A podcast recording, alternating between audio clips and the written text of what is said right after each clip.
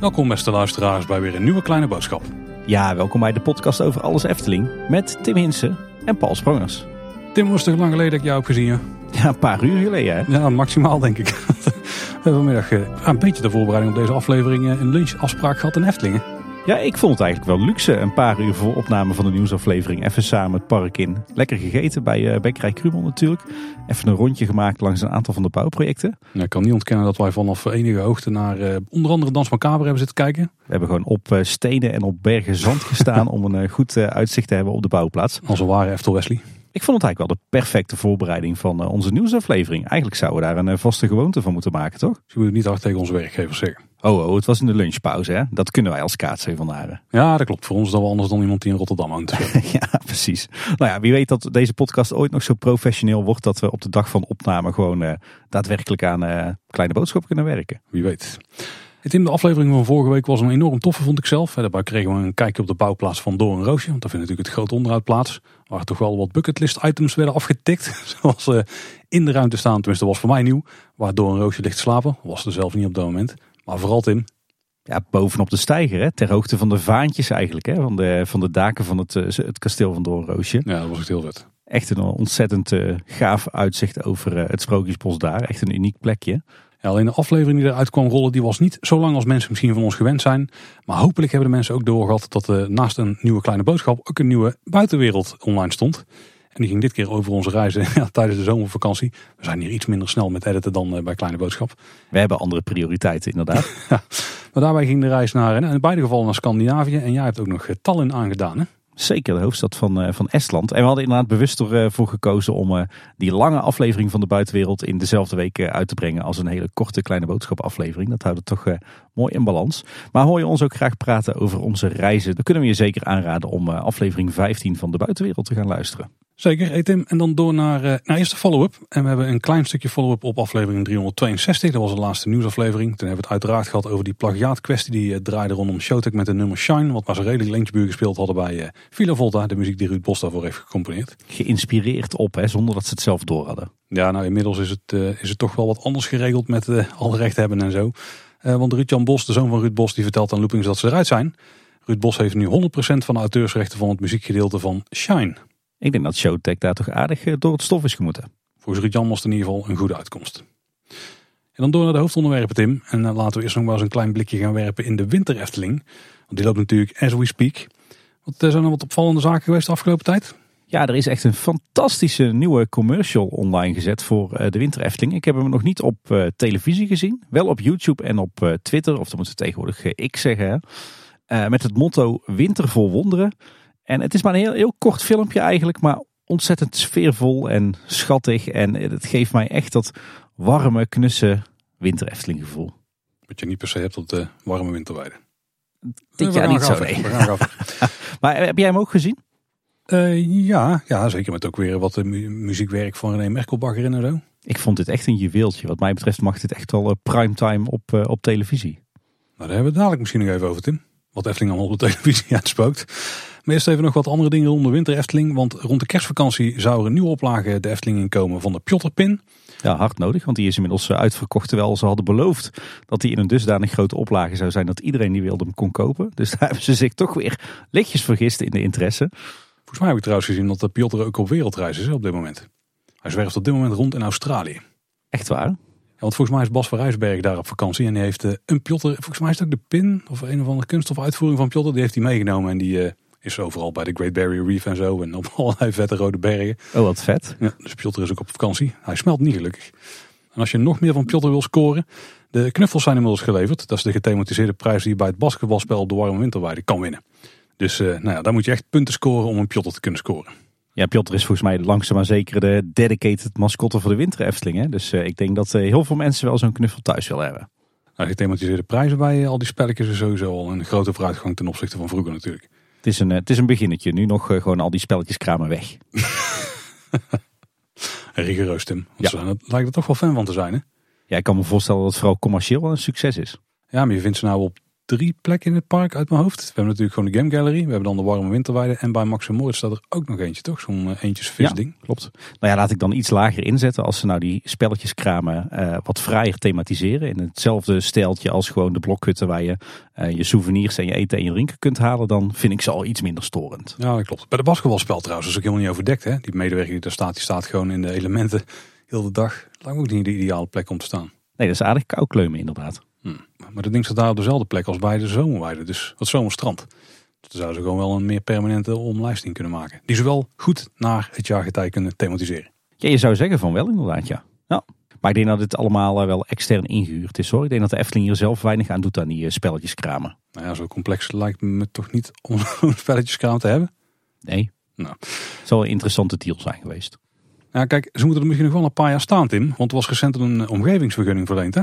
Ja, inderdaad, voor de inrichting van de speelweide en diverse pleinen voor de winter Efteling. En nu komt het interessante deel wat ik uit de Duinkoerier plukte. Want die vergunning die is namelijk verleend voor de duur van vijf jaar. Nou, die is recent verleend. Ja. Maar nadat de winter Efteling is gestart. Klein detail. Oké, ik zit even hard op te filosoferen. Is het dan zo dat, dat dit dus de huidige winter Efteling is plus de komende vier edities, zeg maar? Lijkt mij wel. Waarom hebben ze dan voor die diverse pleinen een omgevingsvergunning nodig voor het inrichten daarvan? Er zijn toch tijdelijke objecten? Heb je daar vergunningen voor nodig? Ja, zeker. Oh, oké, oké, oké. Nee, klopt inderdaad. Als je bijvoorbeeld kijkt naar, uh, nou, noem ze een dwarsstraat, zo'n skischans bij Max en Moritz, of waarschijnlijk ook zo'n sneeuwbol bij Droomvlucht, die zijn gewoon uh, vergunningsplichtig. En vorig jaar vroegen ze allemaal losse vergunningen aan voor die, uh, die objecten. En het lijkt erop dat ze nu in één keer gewoon een aanvraag hebben gedaan voor alle inrichting voor de Winter Efteling, maar dan voor de komende vijf edities, inclusief deze editie.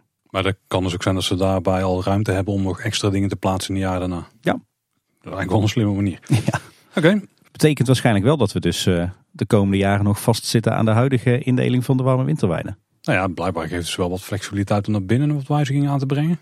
Ja, misschien dat ze hier dan voor gekozen hebben omdat ze nu uh, toch een semi-permanente inrichting hebben gemaakt.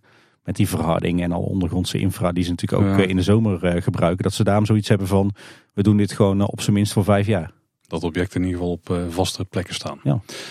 Als we trouwens over de inrichting hebben, dat was wel opvallend gebeurd bij Max en Moritz, want het kampvuur was daar plotseling weg. Ja. Er lag natuurlijk zo'n kampvuur hè, waar je jezelf aan kon opwarmen.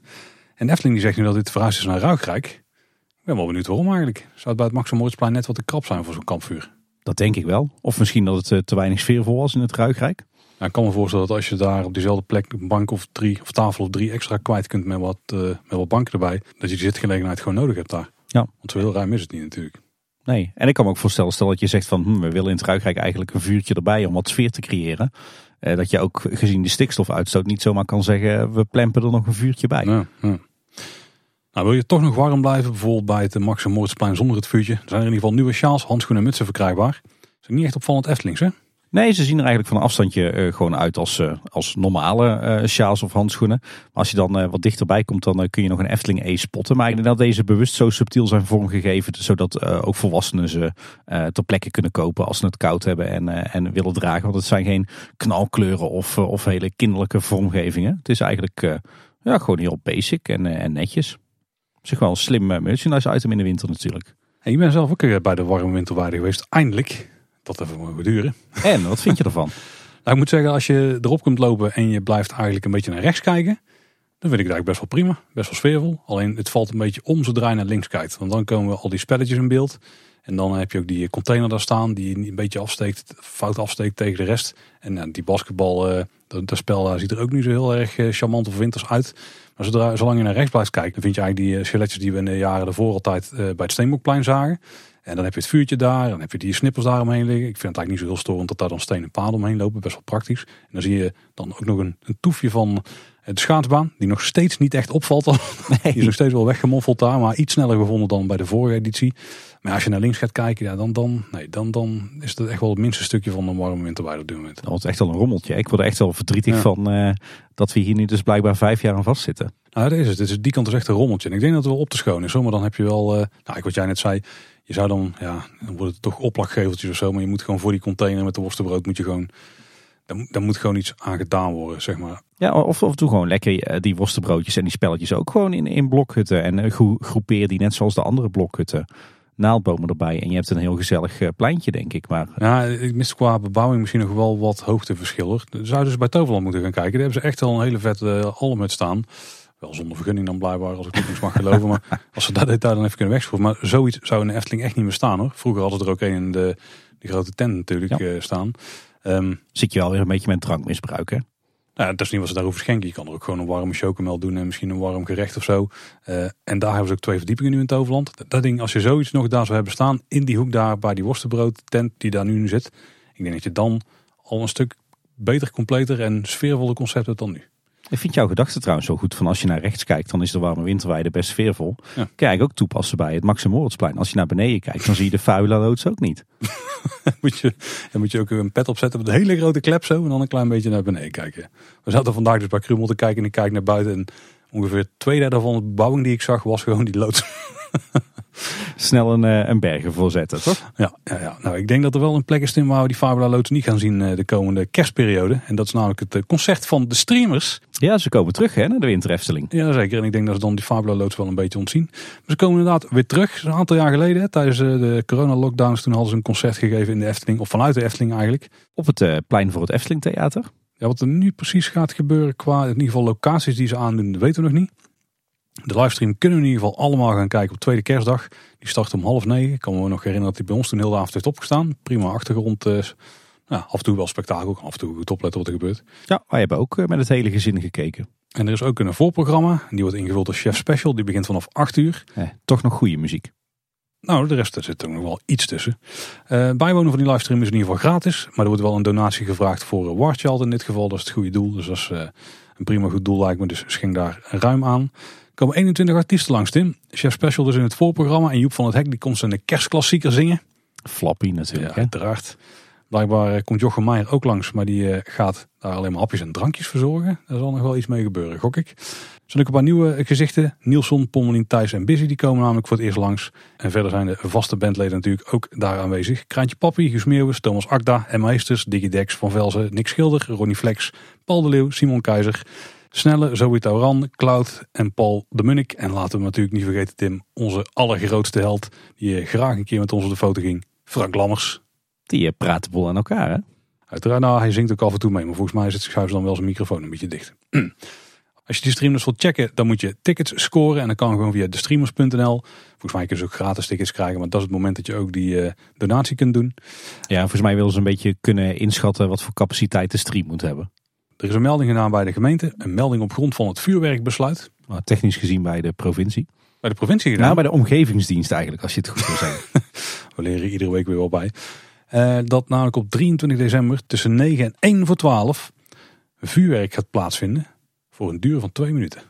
Ja, daar werd hier en daar al eh, gezegd van, zou dit dan niet zijn voor de opname van de streamers? Dus is die livestream wel echt live? Ja, zouden ze het vuurwerk eens los opnemen. Dat ze die beelden alvast goed hebben gemaakt. En dat er niet meer fout kan gaan tijdens de opname zelf. Zou ook nog kunnen, ja. Nou, wij kunnen het in ieder geval redelijk goed in de gaten houden. Want ik denk dat als dit gaat plaatsvinden live, dat wij het wel kunnen zien vanuit een dakraam of eh, net wat dan ook. Ja, en ik denk dat ik op tweede kerstdag ook wel in de Efteling rondstruin. Maar ik denk niet meer vanaf half negen s'avonds. Dat is waar. Ik ben wel heel benieuwd waar het eh, podium nu komt te staan. Of het op dezelfde locaties of niet. Maar dat gaan we natuurlijk een paar dagen van tevoren wel eh, overal voorbij zien komen. Mag ik een kleine voorspelling doen, Tim? Ja. Ik denk dat de worstenbroodkraam van de warme winterweide niet in beeld gaat komen. Dat zou zomaar kunnen. Alhoewel. Ik weet niet wie bepaalt waar die beelden worden gemaakt. ik denk dat het wel meevalt. En maar ook ander nieuws van de Efteling in de media. Want volgens mij al een aantal, nou in ieder geval op zijn minst een jaar geleden, misschien al wel langer zelfs. Toen kwam het nieuws naar buiten dat de Efteling en RTL wat intensiever gingen samenwerken. Ja. Toen hadden we niet echt eh, scherp wat er dan voor resultaat ging geven. Maar misschien is dit een van de eerste dingen die daaruit zijn komen rollen. Want eh, de Efteling en Videoland die hebben de handen ineen geslagen. En vanaf maandag 4 december kun je in een speciaal Efteling omgeving in de Videoland app kun je allerlei Efteling content checken. En er staat echt enorm veel op. Het lijkt alsof ze het hele YouTube kanaal hebben leeggetrokken. Want onder andere de onrides, de musicals en afleveringen van een aantal series van Efteling Media zoals Jokie en Ravelijn die staan erop. Eh, volgens mij ook eh, de wereld, Maakse wereld van Pardoes en nog een aantal andere ik er staan. De komende maanden wordt het nog verder uitgebouwd. Ook de making-ofs die komen er nog op en de Magische klok. Hopelijk blijft het op YouTube staan allemaal. Ja, dat vraag ik me wel echt af. Want op zich is het natuurlijk pas commercieel echt aantrekkelijk als je die content niet meer op, uh, gratis op YouTube kunt vinden. Als je daarvoor per se een uh, Videoland uh, abonnementje moet afsluiten. Nou, ik denk dat voor de Efteling die reclame uiteindelijk het grootste goed is. Zeg maar. Gewoon top of mind blijven bij de mensen. Daar kun je niet van YouTube afhalen. Dat is waar. Maar Lijkt me niet verstandig hoor. Nou, er komt bijvoorbeeld wel een nieuwe serie. En ik ga er dan vanuit dat die niet op YouTube komt. Dat deze exclusief op Videoland blijft staan. Alhoewel, nou daar hebben we het eigenlijk even over. En dat is de serie Wonderlijke Sprookjes. En zoals ze zelf beschrijven, in Wonderlijke Sprookjes worden Efteling-verhalen uitgebeeld aan de hand van beelden uit het Sprookjesbos, aangevuld met scènes met acteurs. Komt bekend voor trouwens, Tim. Ja, de serie Sprookjes. Ja, ja. Het eerste seizoen bestaat uit negen afleveringen van enkele minuten, waarvan er nu zes online staan. Assepoester, De Nieuwe Kleren van de Keizer, De Wolf en de Zeven Geitjes, Hans en Grietje, Pinocchio en Roodkapje. Nou ja, ze gaan dus wel ook ingekorte versies daarvan op RTL uitzenden. Ieder door de weekse dag in december en januari kan je die gaan zien om vijf voor zes aan het eind van de middag. Ja, voor luisteraars die nou een beetje kwijt zijn van is het nou RTL of is het nou Videoland waar de Efteling mee samenwerkt. Maar RTL en Videoland zijn twee handen op één buik. Eigenlijk is Videoland de streamingdienst van, uh, van RTL. Ja, inderdaad. Ja, Maar de focus ligt wel echt vooral op Videoland. Het zijn die ingekorte versies van ongeveer een minuut die op RTL worden uitgezonden. Maar de rest moet je echt op Videoland gaan checken. Dan uh, zijn waarschijnlijk die ingekochte filmpjes op RTL vooral een teaser met als bedoeling oh. zoveel mogelijk mensen een uh, Videoland abonnement la te laten afsluiten. Dat zou zomaar kunnen. Maar dat betekent wel dat we dagelijks in december en januari een stukje Efteling op tv krijgen. Meer dan een commercial. Dat is uh, wel heel tof natuurlijk. Want daardoor blijft de Efteling ook. Uh, jij gebruikte net de uitdrukking al top of mind bij mensen die niet ieder jaar naar het park gaan. Ja. er zijn ook wat, wat commerciële voordeeltjes of eigenlijk bondjes gesloten tussen de Efteling en Videoland. Want abonnees van Videoland die krijgen voortaan korting op tickets van en overnachtingen bij de Efteling. En daarnaast, eh, als je een account hebt eh, bij Videoland, dan eh, heb je schijnbaar ook een profielfoto. En binnenkort kan je dan ook kiezen uit verschillende Efteling-bewoners. Dat is mooi, want je hebt vaak een kinderprofiel waar de kinderen dan niet alle volwassen inhoud op kunnen kijken. Kunnen die mooi een Efteling-bewoner kiezen. Of veel beter nog, dat doe ik zelf. En volgens mij is op Disney Plus hebben wij Elsa als icoontje. Jullie hebben één account gezamenlijk? Ja. Ik heb Iron Man volgens mij. De kinderen die hebben ook Elsa. Die hebben ook, ja heel stiekem moet ik toegeven dat ik uh, zelf ook minstens net zo'n groot fan ben van Frozen als de dochters hoor. Zijn ze groot fan? Waren ze eigenlijk. Ik moet oh. zeggen, ze groeien eruit. En jij? Ja, ik blijf uh, wel toch al fan. Oeh, laat het gaan Tim, want er moet meer media bij jou langskomen. ja. Het werkt trouwens ook andersom, want Efteling-bezoekers die krijgen voortaan ook een aanbieding voor Videoland. Uh, als je een bezoek hebt gebracht aan, aan de Efteling, dan krijg je Videoland niet voor twee, maar voor vier weken gratis. Oh, hoe zou dat dan moeten? Dan moet je je ticketnummer of zo doorgeven. Nou ja, tegenwoordig koopt iedereen zijn Efteling-ticket gewoon online. Eh, dus je registreert je met je e-mailadres. En waarschijnlijk krijg je dan aan het eind van de Efteling-dag of de dag erop een mailtje van... We hopen dat je een leuke dag hebt gehad in de Efteling. En oh ja, mocht je willen, dan uh, kan je hier vier uh, weken gratis Videoland kijken. Nou snap ik iets beter hoe die uh, samenwerking ook de andere kant op gunstig werkt. Ja. Want het is natuurlijk wat voor Videoland er te halen was. Gewoon mensen warm stomen voor die service van ze. Zeker. Ja, want tot nu toe leek het vooral een heel groot voordeel van de Efteling. Tim, daar kunnen wij hier van alles van vinden. Maar ja, wij zijn natuurlijk niet echt de media-experts van ons land. En ik, tenminste, ik moet even namens mezelf spreken. Ik heb ook geen Videoland-account. ja, wij hebben het hier thuis wel, maar ik kijk er zelden iets op. Daarom hebben wij het niet. Met een half oog kijk ik af en toe de verhulsjes mee met mijn vrouw. Maar uh, dat is eigenlijk het enige wat ik ervan meekrijg. Maar laten wij nou in ons netwerk van Kleine Boodschap Vrienden van de Show wel een media-expert hebben. Een echte media-expert en ook eigenlijk eh, een uh, frequente guest-host hè, bij Kleine Boodschap. Wij zien hem altijd graag verschijnen. Bjorn Baums heeft voor ons een voice clip gemaakt over deze ontwikkeling. En daar gaan we eens even met z'n allen naar luisteren. Ha, Paul en Tim, Bjorn hier. De Efteling gaat samenwerken met Videoland. Wie had dat gedacht? Is dit de terugkeer van Efteling Media? Maar het is in ieder geval slim om twee sterke merken aan elkaar te verbinden. Videoland maakt onderdeel uit van RTL en heeft 1,3 miljoen abonnees. Het bereik en kruisbestuiving tussen Videoland en de Efteling is denk ik een goede zet. De Efteling krijgt een nieuw platform om het merk Efteling in etalage te zetten en content te distribueren. En Videoland krijgt een mooi portfolio aan programma's voor een platform. De echte commerciële deal zit hem natuurlijk in het feit dat Efteling-bezoekers een maand gratis Videoland kunnen kijken en dat Videoland-abonnees op hun beurt met korting het park kunnen bezoeken en zelfs kunnen komen overnachten. Het is interessant om aankomend jaar te zien hoe groot die samenwerking daadwerkelijk gaat worden.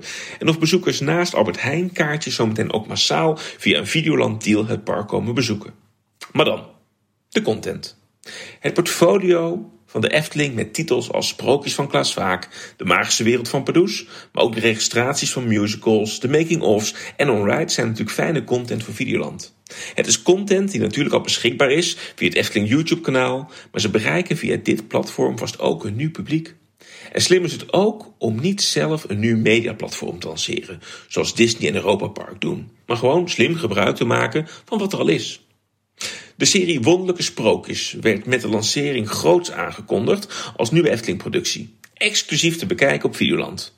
Met een dagelijkse teaser op RTL 4 en negen afleveringen op Videoland moet ik zeggen dat ik na het kijken van de serie met een toch wat teleurgesteld gevoel bleef zitten. De negen afleveringen van 2 à 3 minuten bevatten vooral wat beelden van de uitbeelding in het Sprookjesbos, ondersteund door een vertelstem en wat nu geschoten beelden om het verhaal te ondersteunen. Uiteraard vol herkenbare beelden uit het Sprookjesbos, waar het gaat om de uitbeeldingen van bijvoorbeeld Assepoester, de nieuwe kleren van de keizer, de wolf en de zeven geitjes. Maar wat mij betreft is dit toch echt te weinig om een Efteling Media echt nieuw leven in te blazen. In 2024 kunnen we volgens het persbericht nieuwe Efteling-content verwachten. En hopelijk verrassen ons met toffe nieuwe series en exclusieve content. Ik denk dat de vraag er zeker is. Ik blijf het volgen. Hey, fijne podcast nog mannen en tot snel weer. Nou, dankjewel Bjorn voor deze toffe analyse. Zo te horen missen we er dus niet heel veel aan. Nou, daar niet in, maar toch, dit kan een opmars zijn naar iets groters hè? Ik vind het wel een ontzettend toffe ontwikkeling, ja. Want dit is, ja, het voelt toch weer een beetje als de heropstart van Efteling Media. Maar dan met een, eh, een, een hele hechte partner. Nou ja, Videoland heeft ook exclusives en misschien dat we dit er ook onder kunnen scharen. En die series kunnen best wel stevige budgetten hebben. En als je dat nou met een Efteling API combineert, dat heeft zeker, eh, zeker potentie. Ik denk dat Videoland ook wel een hele goede partner is voor de Efteling. Hè. Je ziet dat Disney en Europa Park natuurlijk een eigen streamingdienst uh, zijn begonnen. Nou, bij Disney snap ik dat, bij Europa Park snap ik dat iets minder. Ik denk dat de Efteling uh, niet het aanbod en niet het bereik heeft om een eigen streamingdienst te beginnen. Maar dan is zo'n partnership natuurlijk wel heel slim.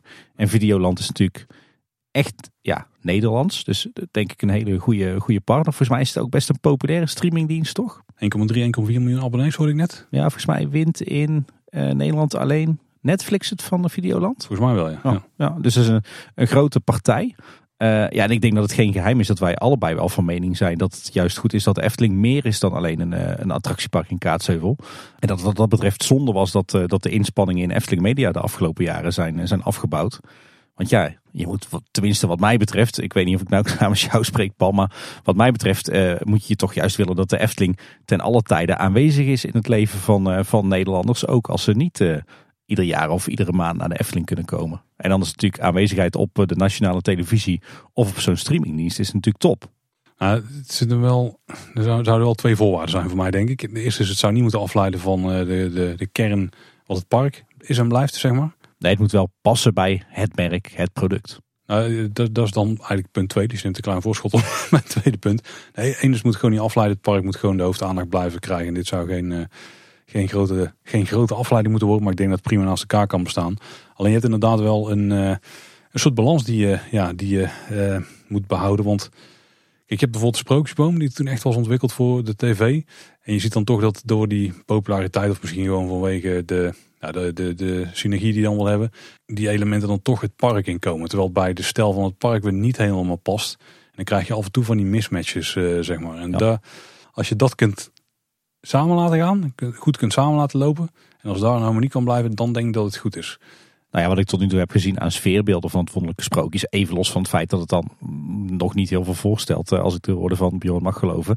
Is dat het qua sfeer en qua stijl wel heel erg aansluit bij wat we in het Efteling Sprookjesbos zien. En dat is natuurlijk wel heel positief. En dat is goed, ja. Kijk, als, je, als, als het nog ooit lukt om een ja, semi-ambitieuze serie neer te zetten die gewoon wel werkt.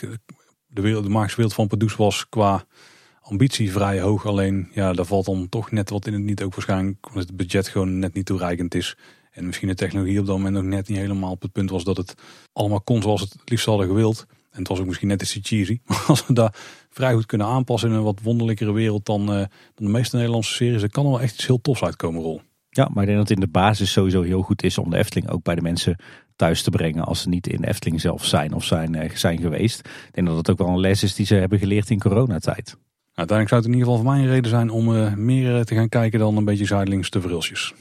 Maar inderdaad, ik denk als er, als er echt exclusieve Efteling content op Videoland verschijnt die ook echt goed is, eh, dan denk ik dat wij ook al een abonnementje zouden afsluiten hoor. Ik hoop trouwens wel dat het niet te commercieel wordt. Ik vind het wel tricky om iedereen die eh, in de Efteling is geweest, om die een mail te sturen met een aanbieding voor Videoland. Het voelt toch een klein beetje smerig. Maar als ze dat heel subtiel doen als onderdeel van een, ja, een soort mailtje aan het eind van je Eftelingdag van we hopen dat je een, eh, een aangename dag hebt gehad en vul hier onze enquête in. Als daar in een voetnoot staat van oh we hebben ook nog een aanbieding voor Videoland dan ja, vind ik dat net, net, net kunnen. Maar het moet niet, niet te commercieel gaan voelen.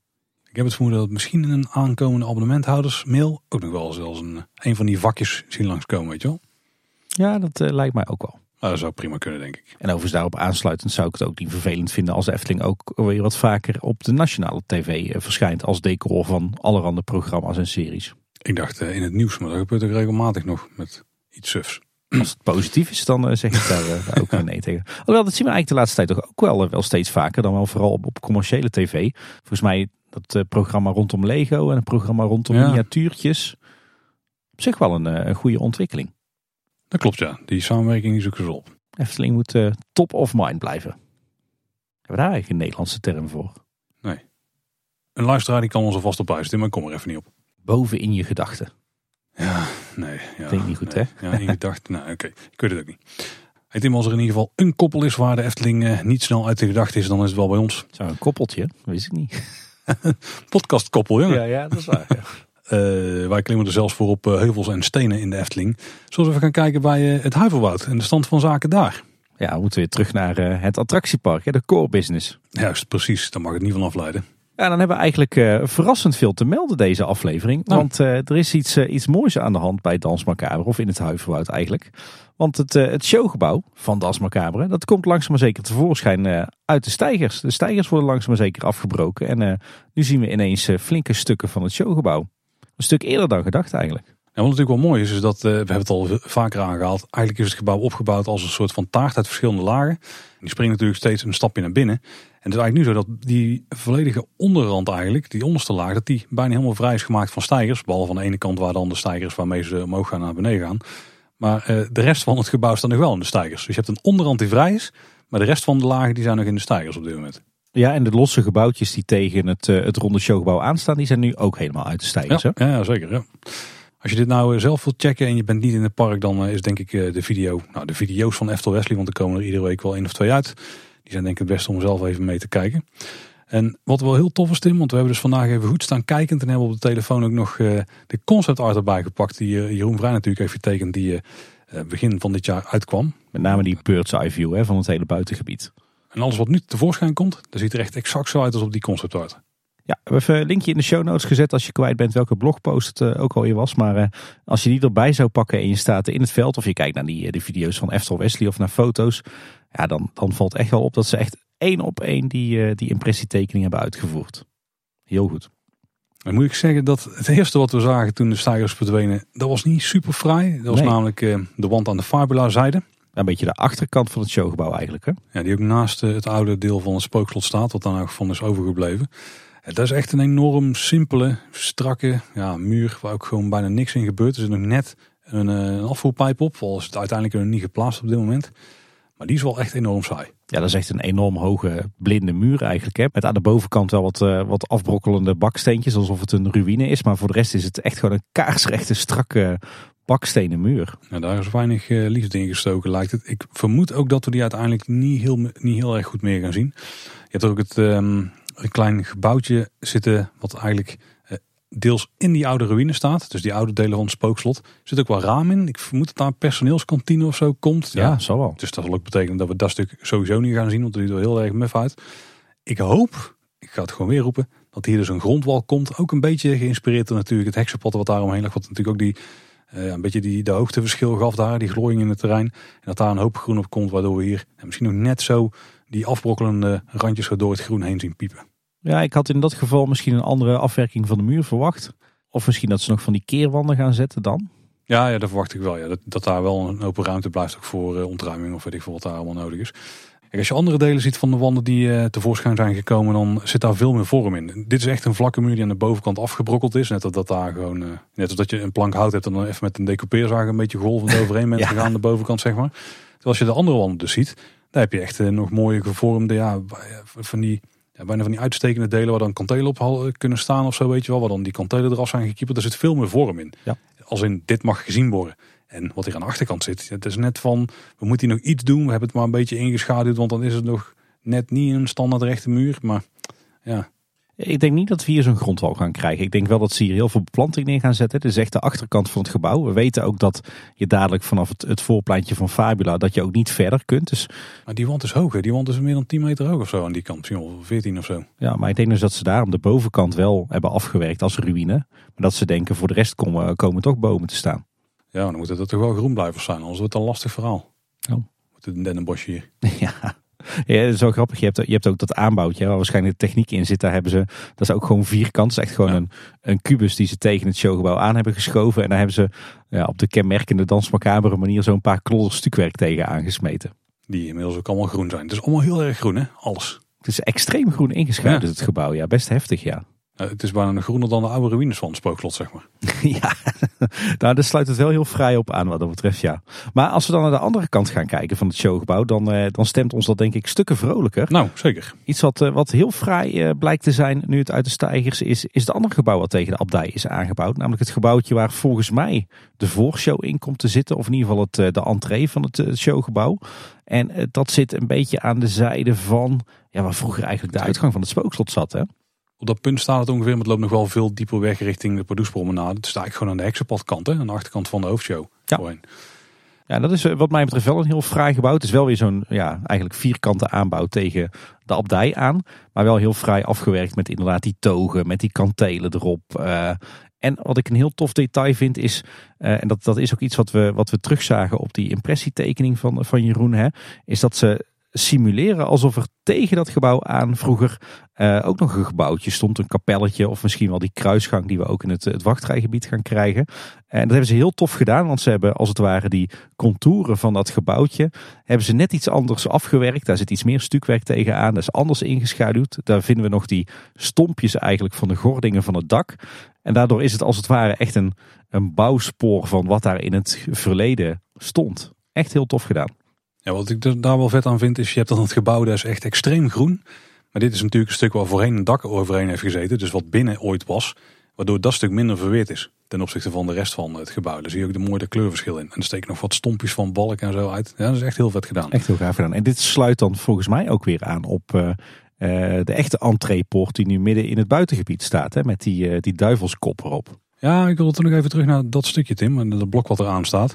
Want um, dat is een stuk waar we dus vrij dichtbij gaan lopen straks. Want als we die uh, poorten doorheen doorgaan van de wachtrij, dan lopen we eerst dat stuk op. Dat is volgens mij de kruidentuin of de, of de nee, de kruisgang is daar, ja. daar natuurlijk. Um, daar zou ook nog een soort van trap of zo tegen de gevel aan moeten komen. Dat konden we vandaag nog niet echt goed zien vanaf de plek waar wij in ieder geval hebben zitten kijken. En dan lopen we dus ook weer terug vanaf die wand en dan gaan we daar een poort door. Dan komen we in de kruidentuin, dan komen we in het kerkhof. En dan kom je dus op het heksenpad. Maar we gaan eerst inderdaad door die, um, door die poort heen. Wat dus ook een gevel is van een gebouwtje wat ook grotendeels is afgebrokkeld. Ja, ik denk van die kruisgang als het ware. Volgens mij zit zo'nzelfde bouwspoor, Tim, ook in het verlengde van die entree. Ja, dat ziet er echt heel gaaf uit, ja. Alle bebouwing in de wachtrij ook al klaar lijkt het, hè? Ja, we hebben natuurlijk al eerder op luchtfoto's uh, alle grafzerken gezien van het, uh, het kerkhof. Maar nu uh, hebben we ook eigenlijk vrij zicht op, op de muur rondom het kerkhof. En, en zelfs het, het poortje waardoor we het bosgebied inlopen. Hè? Ja, dat is lastig te zien. Maar er is een bepaalde hoek waarvan je hem een beetje kunt meekrijgen. Je kunt ook vrij goed zien hoe de oude muur van het spookslot dus in het geheel past. De, de oude muur bij de uitgang. Die schijnt een beetje de kruisgang met het heksenpad. Dat is de afscheiding daar. Past trouwens ook naadloos in het beeld daar hè? Ja, dat komt ook omdat die nog steeds heel groen is. Het is vooral dat groen is wel echt opvallend hoor. Ik ben benieuwd als we straks gewoon groen en dan bedoel ik dus planten en zo omheen staan. Hoe dat dan uh, gaat ogen. Volgens mij wel vet. Volgens mij als je decorateur bent bij Dans Macabre, dan kom je s'avonds als een soort van Shrek thuis. Als we dan het heksenpad zouden doorlopen, dan zien we trouwens op heel veel plekken al een hoop leidingwerk uit de grond steken. Zal volontaris zijn. En volgens mij kwamen we wel effect, uh, wat effectjes daar in de bomen en zo. Dan komen we uiteindelijk dus aan bij het blok wat we net al beschreven, waar we toen de zijkant van zagen. En dan lopen we op de achterkant van het gebouw eigenlijk af. En daar viel ons vandaag ook op? Ja, als je goed kijkt, en dat kan je met name zien uh, vanaf uh, de Spiegellaan, het, uh, het pad zeg maar vanaf de schachttoren van Baron 1898 langs de gondoletta richting het Harthof en Symbolica. als je daar op de zandheuvel gaat staan en je kijkt over de bouwschutting heen, dan zie je al dat er drie grote houten deuren zitten in dat gebouw.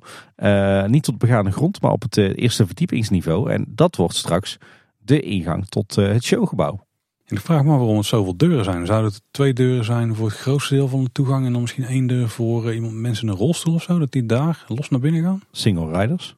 Ah ja, dat zou ook nog kunnen, maar vanaf waar? Oh, die gaan misschien dan die trap op. Er zit natuurlijk zo'n trap aan de zijkant van de kruisgang straks. Dat zou best single riders kunnen worden. Ja. Nou ja, als je kijkt naar de, de toegangspoort, hè, dat, eh, dat losstaande geveltje eigenlijk, eh, daar zitten ook meerdere ingangen in. Hè. Dus volgens mij gaan we straks volledig gesplitst die wachtrij door. Ik denk dat we dit nu hebben ontcijferd, Tim. Want we hadden het er net al over. Je hebt entree en die heeft twee poorten. Dus in die kopse kant van een oud gebouwtje wat daar nog staat. Waarvan het dak dus overliep in het hoofdgebouw. Ja, ik het, het, het restant van de kruisgang. Hè? Nou, als je daar de rechterpoort van pakt. Als je de rechterdoorgang van pakt, dan kom je in de reguliere wachtrij terecht. Pak je nou de linkerpoort. Dan kom je dus in de single riders wachtrij terecht. Dan loop je nog een meter of ja, wat zal het zijn, uh, 10, 15, 20 uh, recht op het gebouw af.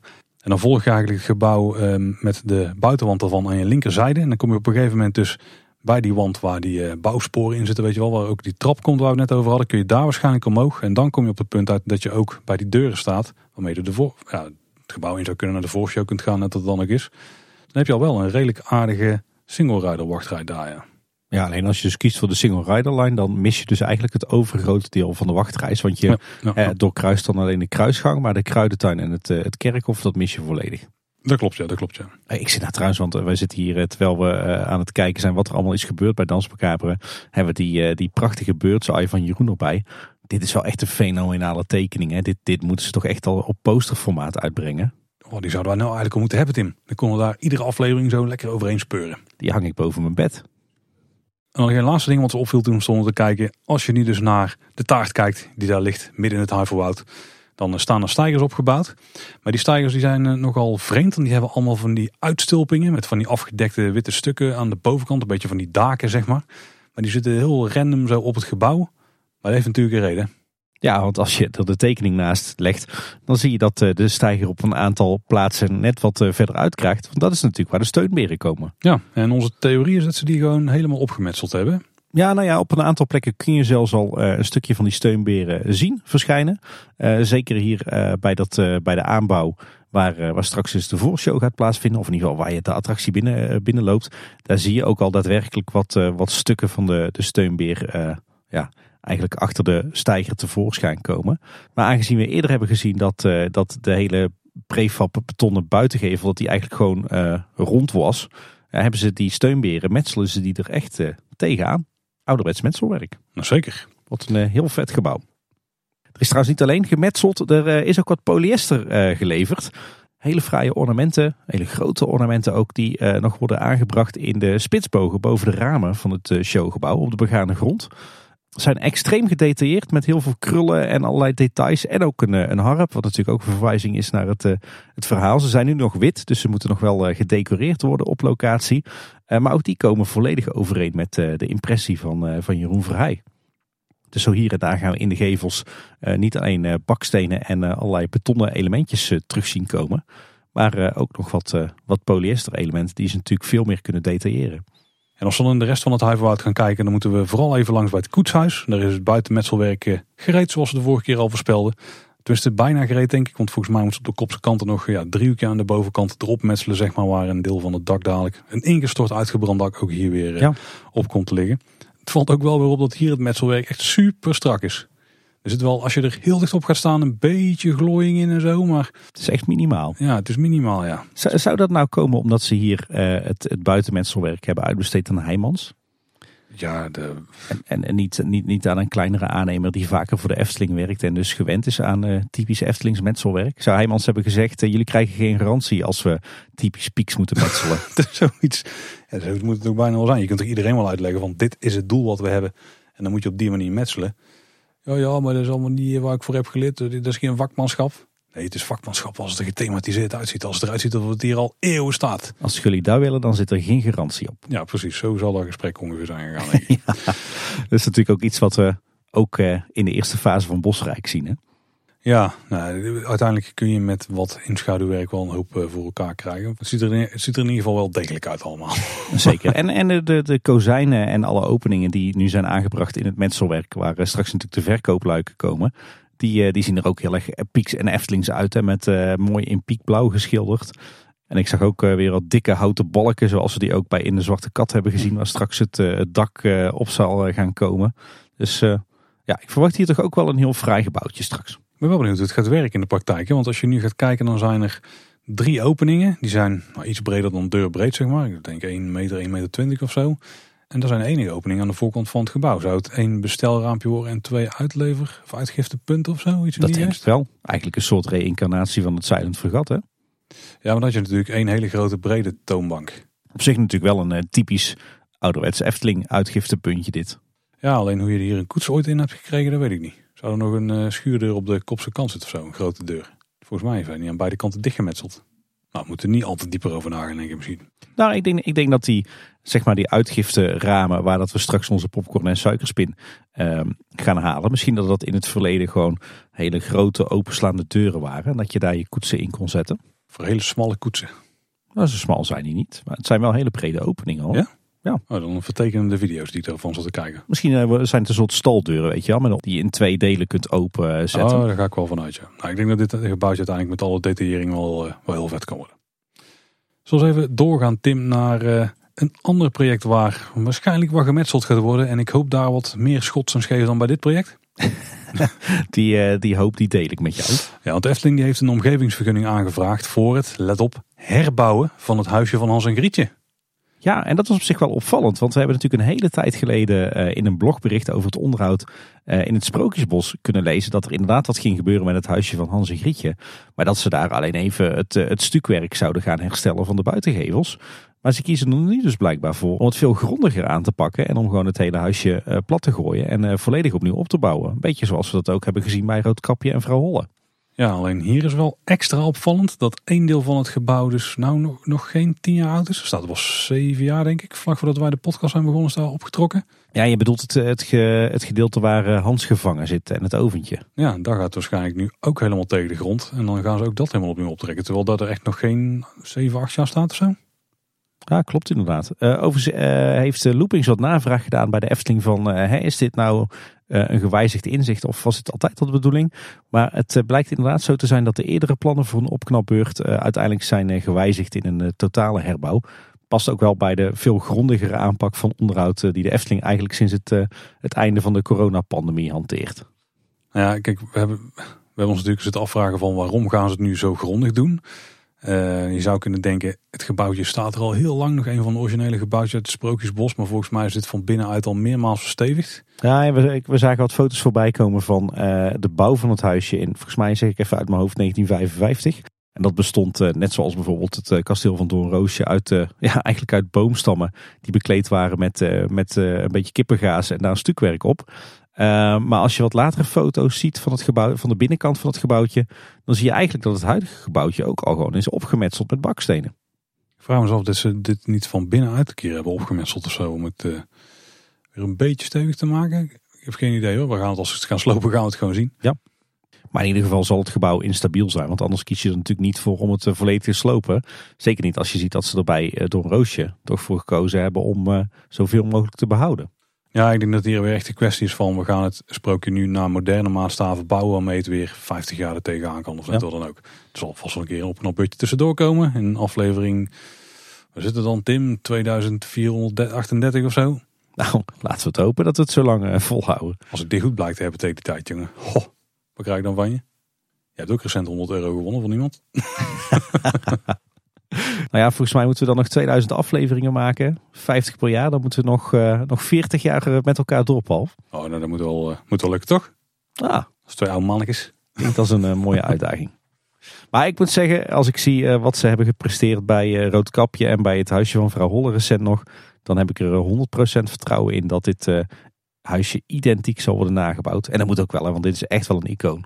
Dan moeten ze niet zo recht gaan metselen als bij andere projecten in het park op dit moment gebeurt natuurlijk. Nou, we zien bij Doornroosje dat ze het ook wel uh, nog echt op de ouderwetse piekse manier kunnen. En uh, zeker bij het huisje van mevrouw Holle natuurlijk. ja, daar is zelfs helemaal 3D uitgezet hè. Nee, ik kan me dus voorstellen dat hier ook gebeurt. Het is helemaal niet gek zijn als hier ook met van die mallen gaan werken en zo. Ik ben er vrij zeker van dat ze dit, uh, dit ding ook weer uh, volledig 3D in gaan scannen. Ja, voordat ze het uh, slopen. Ik ben ook erg benieuwd of dat we hier ook weer gaan zien dat, dat ze bepaalde zaken net wat anders gaan uitvoeren. Meer volgens de tekeningen van Piek. Of wat extra details of gekkigheidjes toevoegen. Dat zou heel cool zijn. Misschien dat we wat extra diertjes ook hier kunnen verwachten. De verwachtingen zijn hoog gespannen. Zoals alle projecten in de sprookjesbos eigenlijk. Hè. Gaan ze toch weer verder. Hè? Dus weer een van die Koen-projecten natuurlijk. Er riep al iemand uh, op Twitter van... Uh, jongens, bestel de doos worstenbrood maar vast. Ja, dat vind ik een prima plan. Nodig ons maar weer uit, uh, mensen. Ja, toch, Tim, zien we binnen de Efteling nog wel... Nou, misschien eigenlijk net erbuiten... nog meer enorm strakke wanden ontstaan. Hè? Ja, er is zo waar in het Huis van de Vijf Zintuigen... begonnen aan een nieuw bouwproject. Wij zaten ons een aantal dagen af te vragen van wat gaat hier nou gebeuren. Want om het even te situeren, als je het Huis van de Vijf Zintuigen inloopt, heb je aan de rechterkant het toiletgebouw. En eigenlijk strak aan de achterkant daarvan, een beetje in het verlengde van de zijwand daarvan, daar vinden nu wat werkzaamheden plaats. Voordat ze daaraan zijn begonnen, toen uh, hebben ze eerst de, uh, de groepswachterij die daar op die plek stond helemaal afgebroken. Dus die was helemaal uh, weggehaald, de vloer netjes ingestraat. Toen hebben ze een paar voeters gemaakt waar ze wat balken in hebben gezet. En daar is een hele balkenconstructie tegenaan gezet. En toen begon het een beetje te dagen, want op een gegeven moment leek daar een soort hokje ingebouwd te worden. En toen dachten wij al, misschien gaan ze hier iets doen met de inname van die wandelwagens. Want een jaar of anderhalf geleden toen heeft de Efteling het nieuwe facilitaire gebouw in, uh, in gebruik genomen wat aan de parkeerpromenade ligt. En toen hadden we al bedacht van, misschien is dit dan handig met die wandelwagens. Want mensen die komen van een auto af, die gaan daar zo'n wandelwagen halen. Maar als ze dan terug naar huis gaan, wil zo snel mogelijk naar de auto. En als die op P2 staat of aan de voorzijde van P1 Ga je dan helemaal weer naar dit facilitair gebouw lopen of dump je hem dan gewoon ergens onder het huis van de vijf zintuigen? Nou, dat laatste gebeurde volop. Dat laatste gebeurde heel erg volop. Maar als je je, je wagentjes dus kunt inleveren onder het huis van de vijf zintuigen, nou, ik denk dat ze dan op hopen dat het wat meer gebeurt. Het is natuurlijk wel één praktisch probleem dat als mensen naar buiten lopen, ze dat eigenlijk altijd aan de rechterkant van het gebouw doen. Dus gezien vanuit het park zelf. Terwijl dan de innamepunt helemaal aan de linkerkant zit. En wat natuurlijk ook onhandig is, is je, wil, je hebt eigenlijk aan het eind van de dag toch juist die wandelwagen nodig. Want dan zijn de kinderen helemaal uh, back af. Dus eigenlijk wil je ze dan met wandelwagen en al naar de auto meenemen. We weten van sommige mensen die bij de entree hebben gewerkt dat dat ook wel regelmatig gebeurt. Die ja. wagentjes van het parkeerterrein afgesleept moeten worden. Maar doe dat niet, wel edele bezoekers. Maar inderdaad, er gaat nu een heel hard denk ik gerucht dat, uh, dat het bouwwerk wat hier nu wordt neergezet achter de toiletgroep, dat dat een, een innamepunt is. En misschien ook wel een uitgiftepunt voor wandelwagentjes. Ik denk wel tijdelijk, want als straks de, het parkeerterrein is heringericht, dan komt eigenlijk iedereen automatisch langs het servicegebouw. Hè?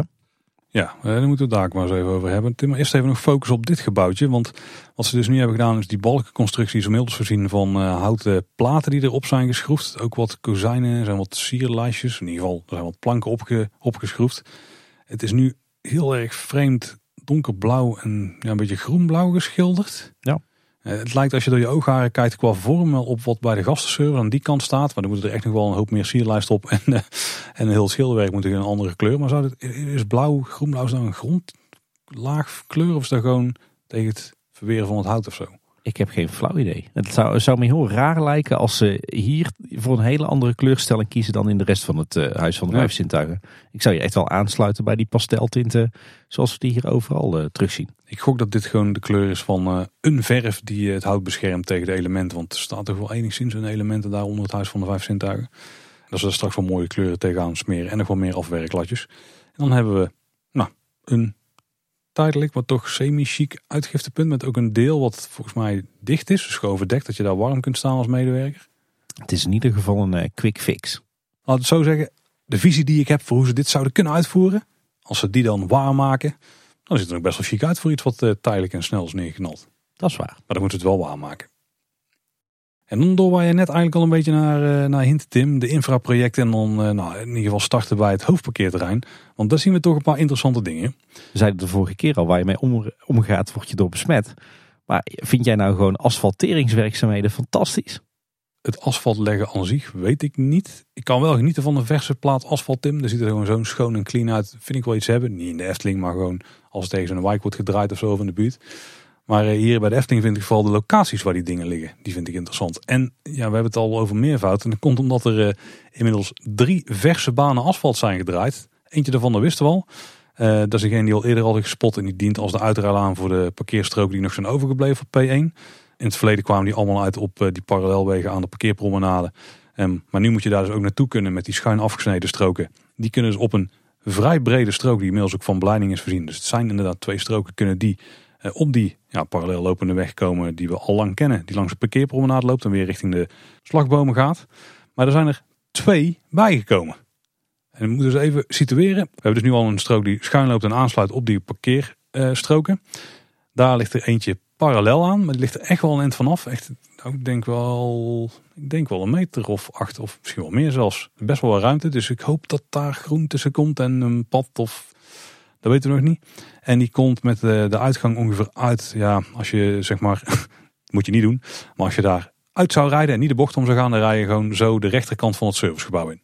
En wat opvalt daarbij is als je dan kijkt naar hoe het geasfalteerd is, dan als je op die strook zou rijden, vanaf bijvoorbeeld P2, want ik denk dat die daar verdient, dan is de bocht naar links, die is ook mee geasfalteerd, zeg maar. Er ligt een klein bochtje in, terwijl die aan de rechterkant eindigt die gewoon strak op die uh, parkeerpromenadestrook. Dus ik neem aan dat dit de uitrijstrook wordt voor P2 en P3 als die in gebruik is. Ja, lijkt me wel. En laten we ook hopen dat hier dan een mooi volwaardig voetpad langs komt te liggen. Hè? Die ruimte hebben ze absoluut vrijgelaten, dus dat hoop ik ook. Maar dus een, een losse uitrijstrook zonder dat die mengt heel vroeg met uh, P1 verkeer. Dat is wel echt top. Dat is heel slim, ja. Dat is absoluut een verbetering.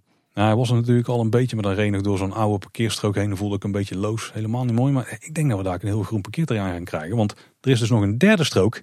En dat is eentje die we al eerder hebben besproken. Want dat is namelijk de strook die uiteindelijk naar die onderdoorgang gaat onder de parkeerpromenade door. Met als vreemd detail op dit moment dat die strook er dus al ligt. Maar die houdt ook gewoon op strak aan de parkeerpromenade. terwijl we hier toch volgens mij vanaf januari graafwerkzaamheden gaan zien uh, om die onderdoorgang te kunnen maken. Ja, zou dit er nou gewoon alleen liggen voor de kerstvakantie of zo, voor de drukte dan? En dat ze op een gegeven moment de laatste, als het zijn 30 meter of zo afbreken en dan die onderdoorgang gaan realiseren? Dat moet haast wel. Ja, ik, ik weet dan niet waarom ze dit hebben gedaan. Want je kan op zich ook prima, als je bijvoorbeeld je elektrische auto geparkeerd hebt, uh, via die andere strook uitrijden. Die tweede die er inmiddels ook ligt. Maar nou, dit hebben ze in ieder geval zo gefixt al. Als er interessante dingen of inzichten nog over te melden zijn in de toekomst, dan hoor je uiteraard hier. Maar ik vind het wel tof. Ja, we kunnen hier echt een beetje de toekomst van het parkeerterrein van Efteling al in gaan zien. Waar dus heel veel ruimte is voor groen en eventueel een mooi wandelpad. En een hele ruime rijbaan hè? Ik denk trouwens wel dat als er een wandelpad komt, dat uh, dan tussen die tweede en derde strook heen komt. Want dan heb je wel minder kruisend verkeer en zo. En dan kan het verkeer wat het uh, P2 opgaat, kan dan gewoon, als je vanuit de parkeerpromenade kijkt, meer aan de rechterkant blijven. Want daar hebben ze natuurlijk de inrijstroken, de reguliere die we al hadden. En dan deze uitrijstrook. Daarnaast het pad voor de mensen die dan richting, ehm, richting het park gaan. Die dan dus wel uitkomen bij het servicegebouw wat je net al zei.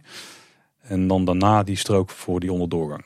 Beseft het toch wel Paul dat je het nu al vijf minuten lang over uitrijstroken hebt. Nou, nog één laatste ding dan. ja, die strook die straks, zoals wij denken, naar de onderdoorgang gaat. Die komt uit eigenlijk net voorbij het toiletgebouw. Dus net tussen het toiletgebouwtje en uh, het Huis van de Vijf Zintuigen. Maar dan wel wat meer richting het toiletgebouw. Ja, dat was natuurlijk wat we ook al eerder zagen op de, de werktekening van dit, uh, dit project. Hey, verder wordt er op eh, P1 nog hard gewerkt aan het eh, grondwerk. Hè, want er liggen nu natuurlijk die drie uitrijbanen.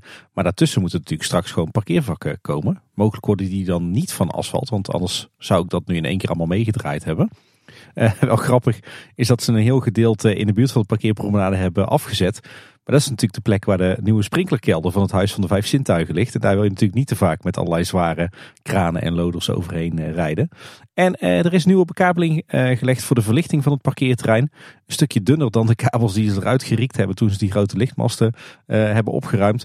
Dus waarschijnlijk gaan we hier inderdaad wat, wat kleinere lichtmastjes krijgen die in ieder geval wat minder vermogen nodig hebben. Wat natuurlijk ook logisch is, want dat zal allemaal LED worden. En dan gaan we even door naar de andere kant van eh, het Estlingterrein. Want daar eh, is het Estlingterrein uitgebreid. Op dinsdag 5 december toen kwam er een persbericht naar buiten. Waar we het eigenlijk al besproken Maar over het plaatsen van de eerste paal van het hekwerk. Fons Jurgens die heeft daar eh, de honneurs mogen waarnemen. En uh, daaruit leren we dat de komst van het nieuwe hekwerk nog niet betekent dat er meteen een schop in de grond gaat. Nou, dat hebben we volgens mij ook uitgebreid gemeld. Fonds die zegt, momenteel speelt een uitdaging op het gebied van regelgeving vanwege de aangescherpte stikstofmaatregelen. Het hekwerk staat symbool voor de blijvende ambitie van de wereld van Efteling. Deze is ingericht op continuïteit van onze organisatie en het behouden van de zelfstandigheid en kwaliteit, vooral als natuurpark. Dit zijn uh, ongeveer exact de argumenten die we toen hebben gehoord in die Raad van State zitting. Ja, klopt inderdaad. Maar toch wel bijzonder dat je uh, alvast een, een hekwerk plaatst rond een toekomstig uitbreidingsgebied als symbool voor het feit dat je nog steeds de wil hebt om uit te breiden. Nou Tim, volgens mij zei jij het vandaag door het park liever. Als het geld zo uh, binnenkomt rollen, dan kun je er maar beter ook uh, goede dingen voor doen. En in was een, een voorsprong op de toekomst nemen. Want stel je dat Grand Circus Balancé had, dat was een deel van de kosten van dat project, was gewoon het klaarstomen van die grond. Zeker. Die kosten heb je nu alvast gemaakt. Dus die hoef je in de toekomst dan, ja je hebt nog steeds wel kosten die je voor daarvoor moet maken, maar een deel van die kosten is al gedaan. Ja, en ik denk dat ze vooral onverlaten willen weren uit dit uh, stukje bosgebied. Ja, ja. Het persbericht vervolgt nog. In het gebied aan de oostelijke zijde van de Efteling zal voorlopig weinig gebeuren. Het enige dat wordt uitgevoerd zijn noodzakelijke en voorbereidende werkzaamheden om het gebied klaar te maken voor de mogelijke ingebruikname. Het attractiepark focust in ieder geval de komende paar jaar op ontwikkelingen binnen de huidige parkgrenzen. Ja, en dit vind ik op zich wel een opvallende zinsnede. Want dit geeft toch aan dat na het gereed komen van Dans in het Efteling Grand Hotel... dat er mogelijk nog meer ontwikkelingen in het bestaande park gaan plaatsvinden voordat we richting Strookrijk gaan. Mag ik jou erop attenderen, Tim, dat eh, een paar jaar inmiddels ook de tijdspan is waarbinnen het Efteling Grand Hotel moet gaan gerealiseerd worden? Touché. Ja. moet het nog even afwachten. Dit zijn waarschijnlijk een paar zinnen die honderd keer onder een vergrootglas zijn gelegd, zodat ze nog steeds alle kanten ermee uit kunnen. Ja, en zodat ze altijd kloppen. Wat ik trouwens zelf wel mooi vond, is dat bij dit persbericht uh, een foto zat. En uh, die liet precies zien wat wij de vorige aflevering al aanhaalden. Dat die sloot daar echt al half ingezakt was. ja, schitterende foto. Ja, dat is niet anders. Je kan met dit soort nat weer kan je gewoon geen sloot graven zonder dat die uh, inkalft. Dat blijkt. Hey, iets wat uh, iedereen wel een beetje verraste is dat het, het hekwerk wat ze nu langs Strookrijk hebben gezet, dat ze dat ook hebben doorgetrokken in noordelijke richting, richting het Efteling Hotel. Want het hele buitengebied van het Efteling Hotel staat nu ook volledig in diezelfde hekken.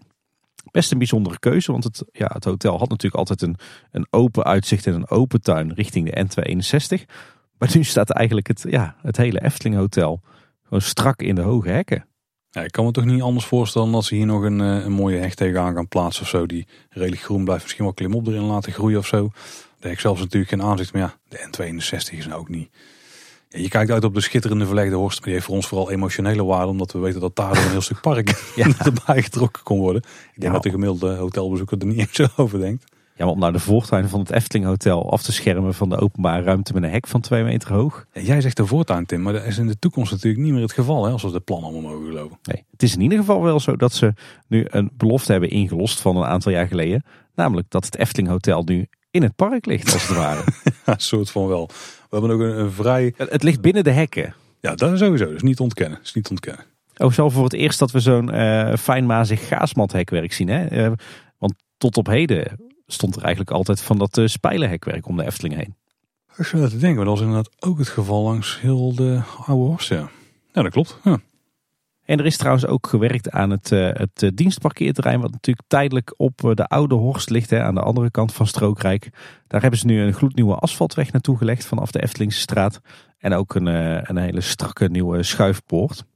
Dus uh, ik denk toch dat het uh, personeelsparkeerterrein voor het Ruigrijk hier uh, een beetje een semi-permanent karakter gaat krijgen nu. Ja, als er ook ooit parkuitbreidingen zijn, dan is zo'n poort niet verkeerd om dat te hebben, denk ik. Misschien een beetje op dit al. En tot slot wordt er qua infrastructuur ook nog hard gewerkt bij de verblijfsaccommodaties. Want bij Bosrijk in de Voortuin wordt de kruising tussen de Eftelingse straat en het, het Eftelingse pad, zeg maar dat, dat weggetje door het Duits bosje, volledig opnieuw aangelegd. Uh, en het uh, nieuwe voetpad vanaf dat uh, Duitse bosje naar het parkeerterrein is ook helemaal klaar. En een opvallende klus op het Loonse Land. op het Loonse Land had je natuurlijk al wat asfaltwegen in het park. Maar het gros van de paadjes in het park waren gemaakt van die ja, bijna knalgele halfverhardingen voor het natuurlijke karakter. dat hebben ze nu allemaal vervangen door ja, een beetje geel gekleurd asfalt. Nou, we hadden begrepen dat ze daar niet super blij mee waren. Omdat het als het slecht weer is wel wat modderig kan worden. En ook dat je die kleur en dat zand allemaal meeneemt de huisjes in en zo. En dat is eh, nu dus wel opgelost. Dus eigenlijk een, een comfortslag die ze daar hebben behaald. Ja, maar wel jammer, want eigenlijk wil je in zo'n natuurlijk uh, vakantiepark toch juist zo min mogelijk asfalt. Dat wel, maar baggerpoten zijn ook niet ideaal. Hè? Dat is ook weer zo. Hey Tim, hebben jullie de kerstboom eigenlijk al staan? Jazeker. Wat voor kerstboom hebben jullie? Een uh, kunstboom. Oeh, en hoe staat die dan op de vloer? Op een standaard. En waar is die van gemaakt? Van metaal. Oh, jammer. Vroeger hadden wij zo'n kerstboom en die stond dan uh, op hout. En dan zou je het onderhoud kunnen noemen. Tim... Allemachtig. Hij kwam van weg. Oh. Wat gebeurt er allemaal qua onderhoud in het park?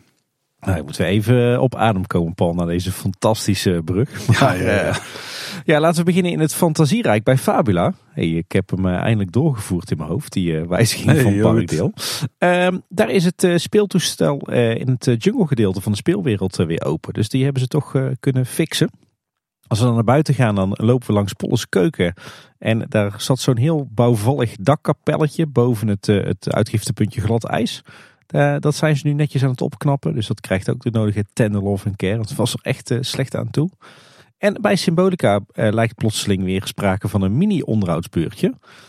De fontein, die natuurlijk voor de ingang staat, die was even uit de stijgers. Toen konden we zien dat die heel fris is opgeschilderd in mooie lichtgele kleur. Ik denk eerlijk gezegd dat ze nu wel een, eh, een, een coating hebben gebruikt eh, die ook goed waterdicht is en, eh, en goed te reinigen. Zodat je ze niet meer die zwarte aanslag krijgen daar. Maar inmiddels hebben ze de stijger eh, weer teruggebouwd. Dus ze waren blijkbaar nog niet klaar.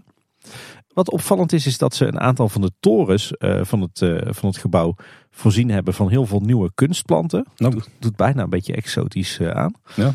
En eh, aan de achterkant van het showgebouw, langs de gondoletta, daar heb je nog eh, zo'n torentje op de hoek van het gebouw. En daar miste een tijdje de gouden piron. En eh, die is nu ook weer terug. Mooi strak in het bladgoud. Dan door naar het eh Anderrijk. Daar waren ze vandaag bezig met het aanplanten van een nieuwe haag langs de Steenboklaan. Laten we hopen dat, dat daar nog meer groen terugkomt. En in de Fata Morgana ook goed nieuws. Daar zijn twee animatronics weer terug. De cipier met de gier op, eh, op de schouder hè, in het eh, gevangenisgedeelte.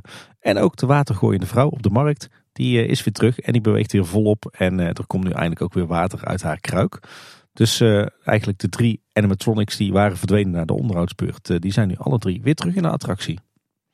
Bij Max en Moritz is ook een langdurig defect gefixt. Want meester Lempel, die daar natuurlijk uit het, het luik hangt als de trein het stationsgebouw binnen, eh binnen rijdt, die doet het eindelijk weer. En bij de Piranha wordt natuurlijk hard gewerkt aan het eh, groot onderhoud. Mhm. Wat we daar nu zien is dat eh, de opstaphal volledig in de stijgers wordt gezet. En die gevels die worden daar verschillend aangepakt. Een deel wordt, wordt gestraald, dus dan blazen ze eigenlijk de, ja, de verflagen eraf. En een deel wordt wat grondiger aangepakt, want het wordt helemaal kaal gebikt. Dus dan zal de hechting van het stukwerk daar niet goed zijn. En ook langs de baan staan natuurlijk heel wat, wat muurtjes. En een, eh, een groot deel daarvan wordt op dit moment ook eh, helemaal kaal gebikt. Dus daar gaat al het stukwerk vanaf tot op eh, de betonblokken.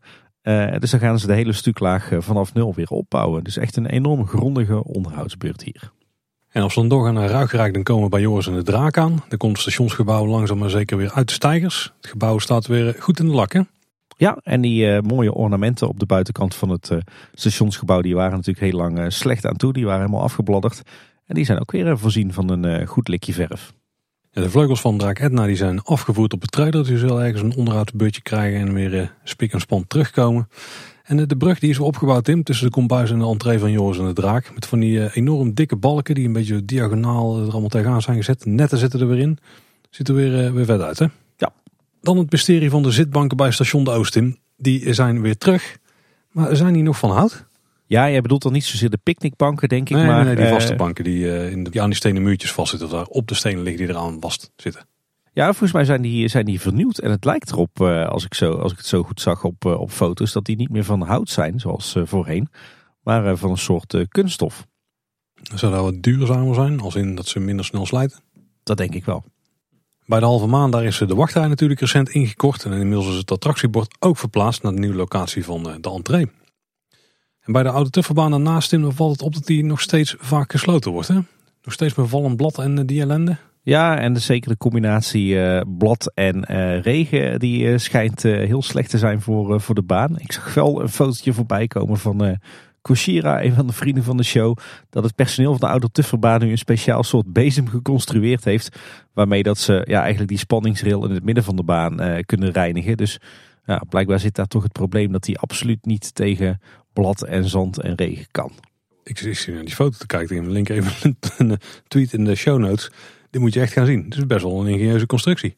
Dit ziet er echt uit als iets wat Efteling personeel zelf in elkaar heeft eh, geknutseld. Ik zal het even kort gaan omschrijven. Je hebt eigenlijk bijna een soort achtbaan setje aan wielen. Die aan de zijkant tegen die glijdrail aanklemmen. Met daarvoor twee van die grote borstelkoppen met van die rode haren weet je wel. En daarachter nog twee van die kleinere schrobbers die dan ook nog tegenaan zitten. En die kunnen ze gewoon er overheen laten rollen. Dit is echt geniaal bedacht. Ben benieuwd of je deze dan straks in de toekomst, eh, als je zo'n eh, baan bestelt bij Metaalbouw Emmelen, of je die dan een paar eh, bijgeleverd krijgt. Zou dit dan de spiritueel opvolger zijn van, de, van het vastzetten van de boten aan de geleidekabel van gondoletten met elastieken? Wat ook een inventie is van de Efteling die uiteindelijk eigenlijk bij al die apparaten is toegepast. Dat lijkt me hard nodig bij parken waar ook wat bomen staan en het ook wel eens regent. En we hadden natuurlijk al ja, bijna maanden gewerkt aan onderhoud aan het kinderspoor. Alleen dat smeren ze zo geleidelijk uit dat de attractie gewoon open kan blijven. Uh, daar is nu het, uh, het huisje met uh, de molen volledig in de, de stijgers gezet. En ook helemaal dichtgesield. Dus daar zijn ze bezig met het, het schilderwerk. Dan door naar het Reisrijk. daar is de Vogelrok nog in onderhoud. Wel open inmiddels. maar in de binnentuin, zeg maar tussen de vogel en de ingang van de attractie. Daar zijn wat, uh, wat stijgers en dergelijke verdwenen. En daardoor zien we nu ook wat beter wat er allemaal is gebeurd. Uh, de buitenwanden van het attractiegebouw daar, die zijn allemaal gesausd en opnieuw ingeschaduwd. Het valt op dat alle dakbedekking is vernieuwd van het uh, attractiegebouw. En er wordt ook nog gewerkt aan de waterval en het vijvertje wat je daar in die binnentuin hebt. Dus die hele binnentuin en eigenlijk ja, gewoon het hele attractiegebouw is daar echt grondig opgeknapt. En ook Carnaval Festival is weer open na drie weken onderhoud.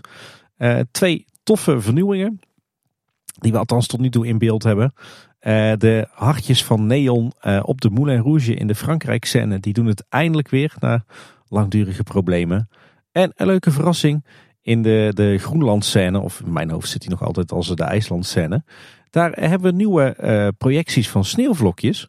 Maar nu een stuk groter en opvallender dan voorheen. En dat, en dat is lichtelijk cheesy. Maar dat past natuurlijk wel bij de attractie. Dus geslaagde vernieuwing wat mij betreft. Een stuk strakkere projectie lijkt het te zijn. Hè? Vroeger was het wat meer soft, maar dit zijn echt super strak, uh, super scherpe sneeuwvlokjes die ja, langskomen. Ja, dwarrelen is het niet echt, maar langskomen draaien. Ja.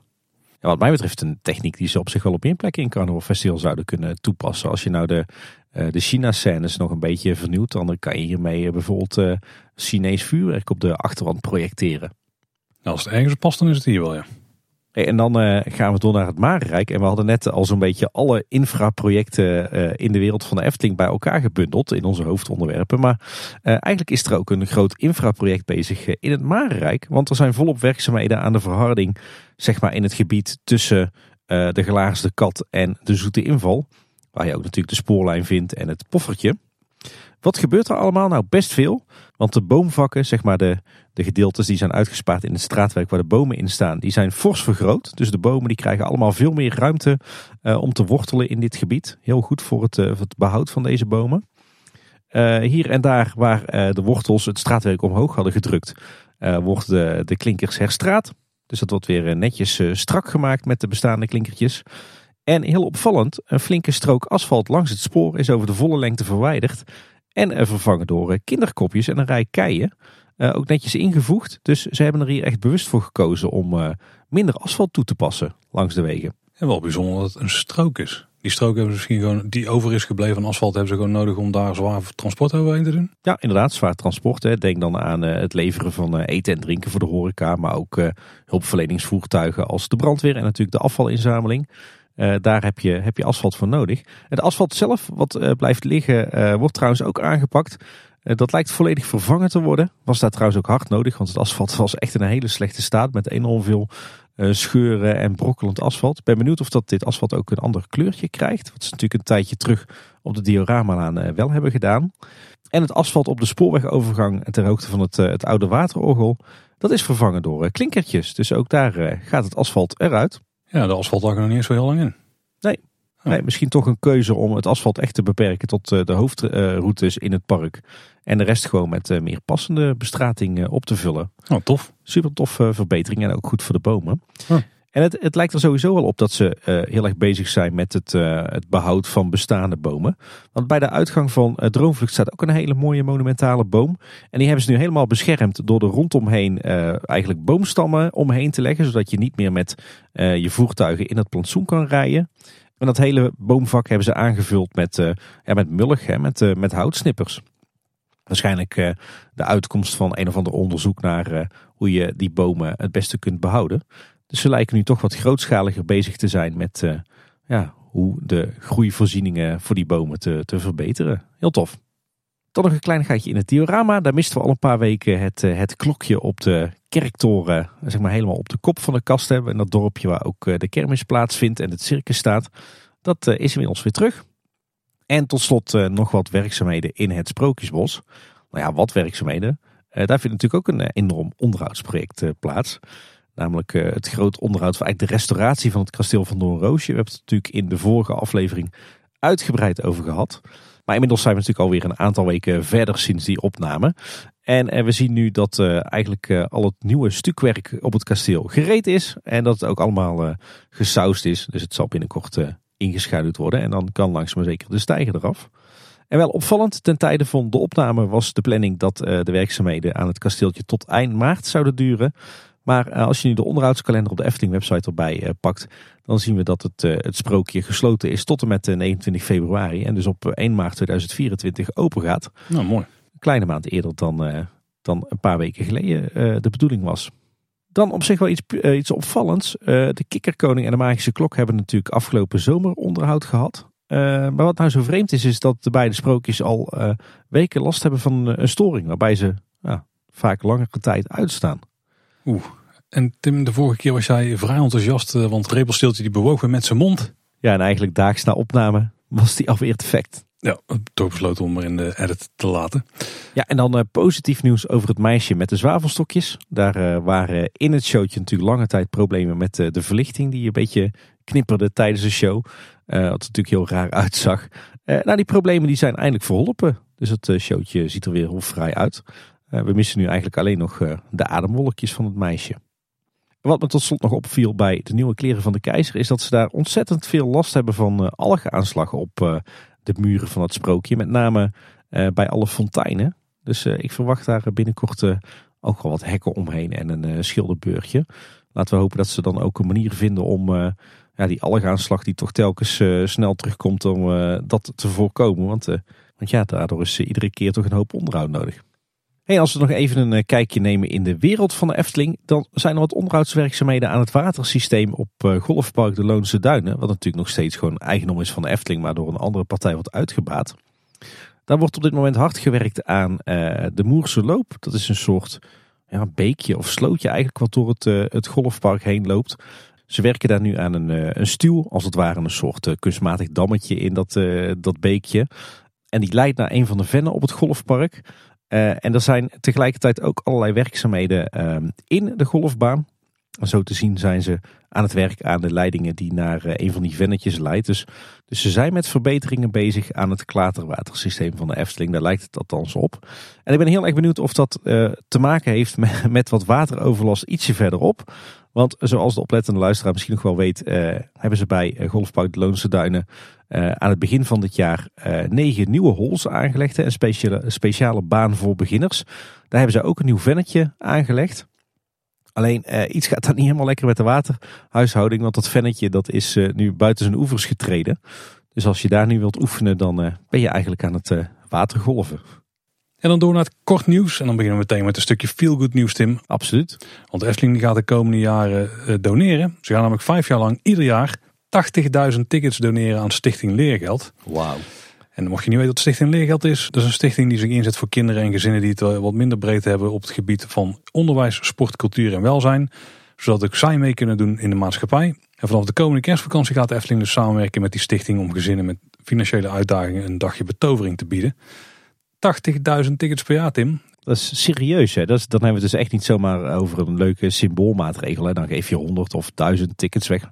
Maar 80.000 gratis toegangskaartjes uh, voor de Efteling voor uh, ja, gezinnen die moeilijk rondkomen. Ik vind dat echt een prachtig en een heel groot gebaar.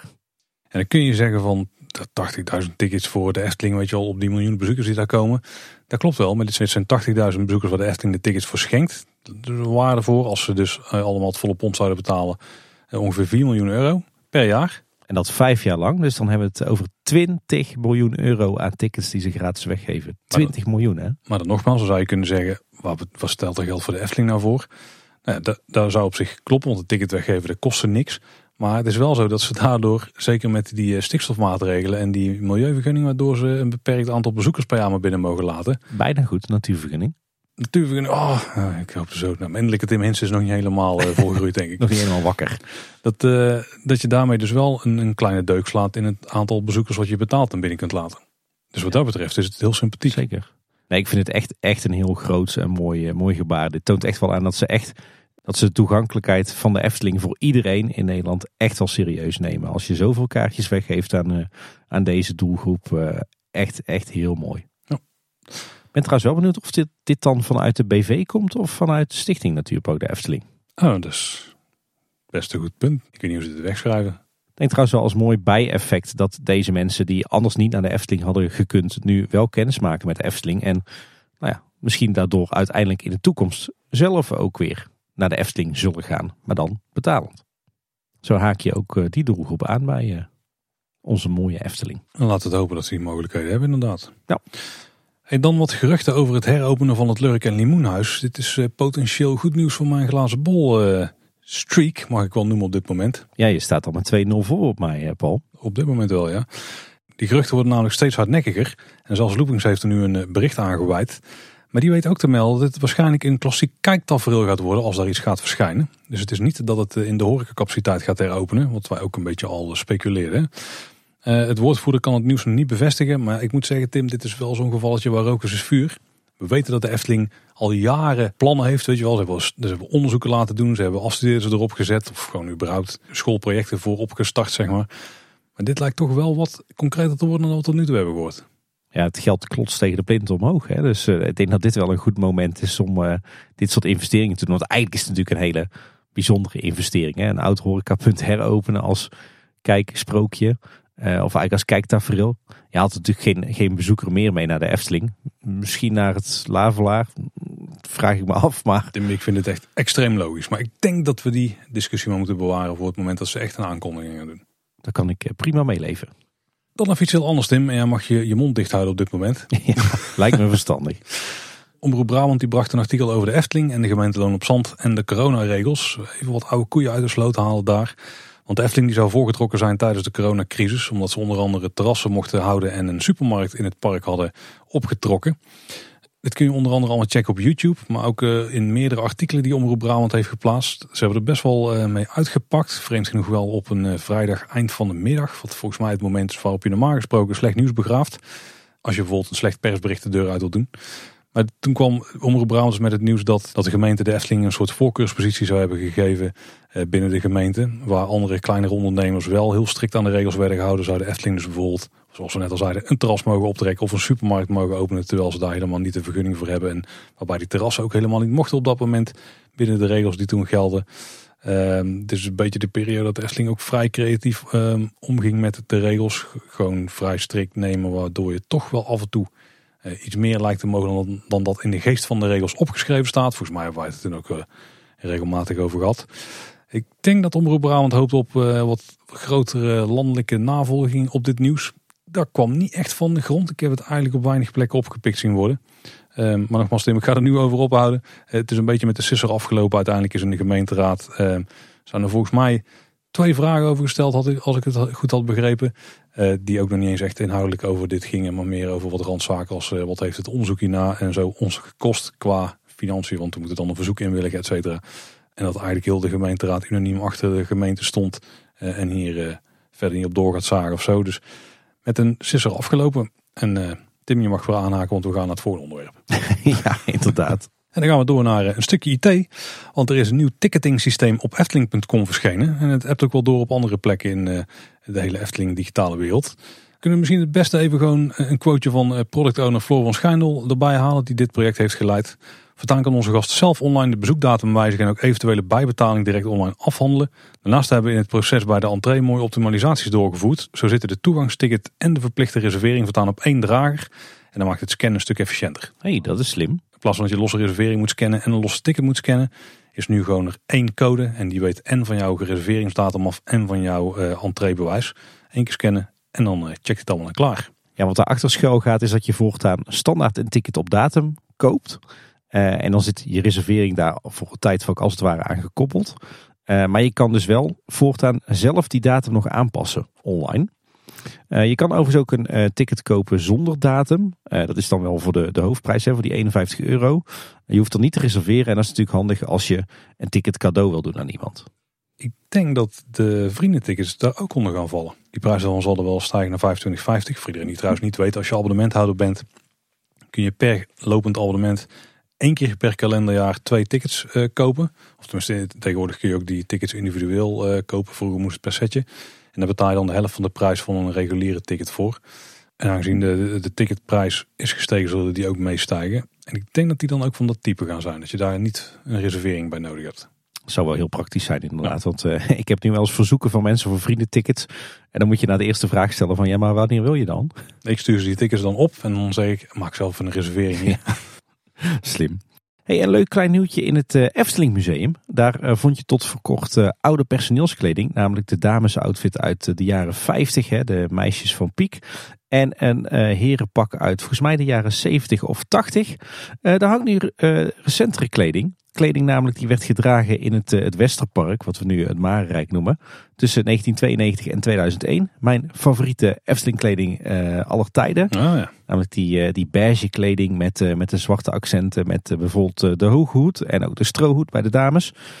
die is nu terug te vinden ehm, in die vitrines in het museum. Dus ze hebben daar gewisseld van outfits. Leuke, leuk klein detail. En als we dan toch in die omgeving blijven. Ehm, als we dan even terugdenken aan de opening van het vernieuwde Anton Pieckplein dit voorjaar. Dan was bij die festiviteiten een levend ballonnenvrouwtje aanwezig. Die precies zo was aangekleed als het ballonnenvrouwtje wat we kennen van de tekeningen van Piek. Dat was toen heel populair en er werden heel veel vragen gesteld van wordt dit uh, voortaan een standaard uh, karakter in de Efteling catalogus? En daar kregen we toen op te horen nee, dit was eenmalig.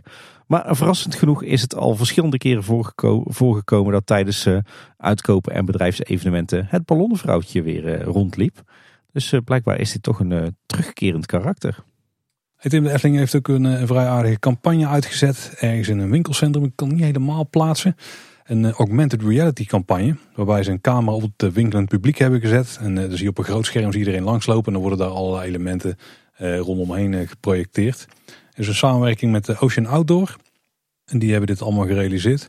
Heeft wel potentie in de toekomst. Dit is nog allemaal relatief simpel. Met wat ballonnetjes van mensen aan denken en zo die dan Efteling gerelateerd zijn. Maar uh, als je dit doortrekt, dan zijn er wel toffe dingen mee mogelijk. Zeker. Ja, ik denk dat het ook weer zo'n zo'n typische samenwerking is. Ik denk dat de Efteling overspoeld wordt met commerciële partijen die zeggen van... oh, we hebben nou toch een tof idee, kunnen we dat niet met jullie uitproberen? Nou, ze zijn, dus ik, ik kan me dat ook helemaal voorstellen. Ik denk dat ze er misschien wel 20 tot 50 keer meer krijgen dan waar ze überhaupt mee in zee gaan. Ja. Het zal een heel team zijn wat hier continu mee bezig is om mensen af te wimpelen en af en toe toch te kijken of dat toch niet serieus iets leuks is. Nou, dit lijkt me in ieder geval zo'n soort samenwerking. Ja, dan door naar de vacatures. Er zijn er twee die we even willen uitlichten op dit moment. Dat zijn allebei afstudeerstages. Ja, en die zijn toch wel bijzonder. En ik denk met name de eerste, want dat is een afstudeerstage architectuur en erfgoed. Wauw. Dat klinkt uh, jou als muziek in de oren, denk ik. Heel gaaf, ja. ja, en dan uh, vraag je je misschien af, uh, wat houdt het dan in? En dan kan ik het beste gewoon de tekst even, even samenvatten. Want momenteel werkt de Efteling aan de kaders rondom het erfgoedbeleid binnen de wereld van de Efteling. Echter over de benadering van en omgang met erfgoed binnen specifiek themapark is nog maar weinig bekend binnen de wetenschap. Nou, dat is inderdaad de waarheid als een koe. Uh, in deze opdracht vragen we daarom jou als afstudeerder om aan de hand van verkennend wetenschappelijk onderzoek de culturele significantie van de Efteling in kaart te brengen.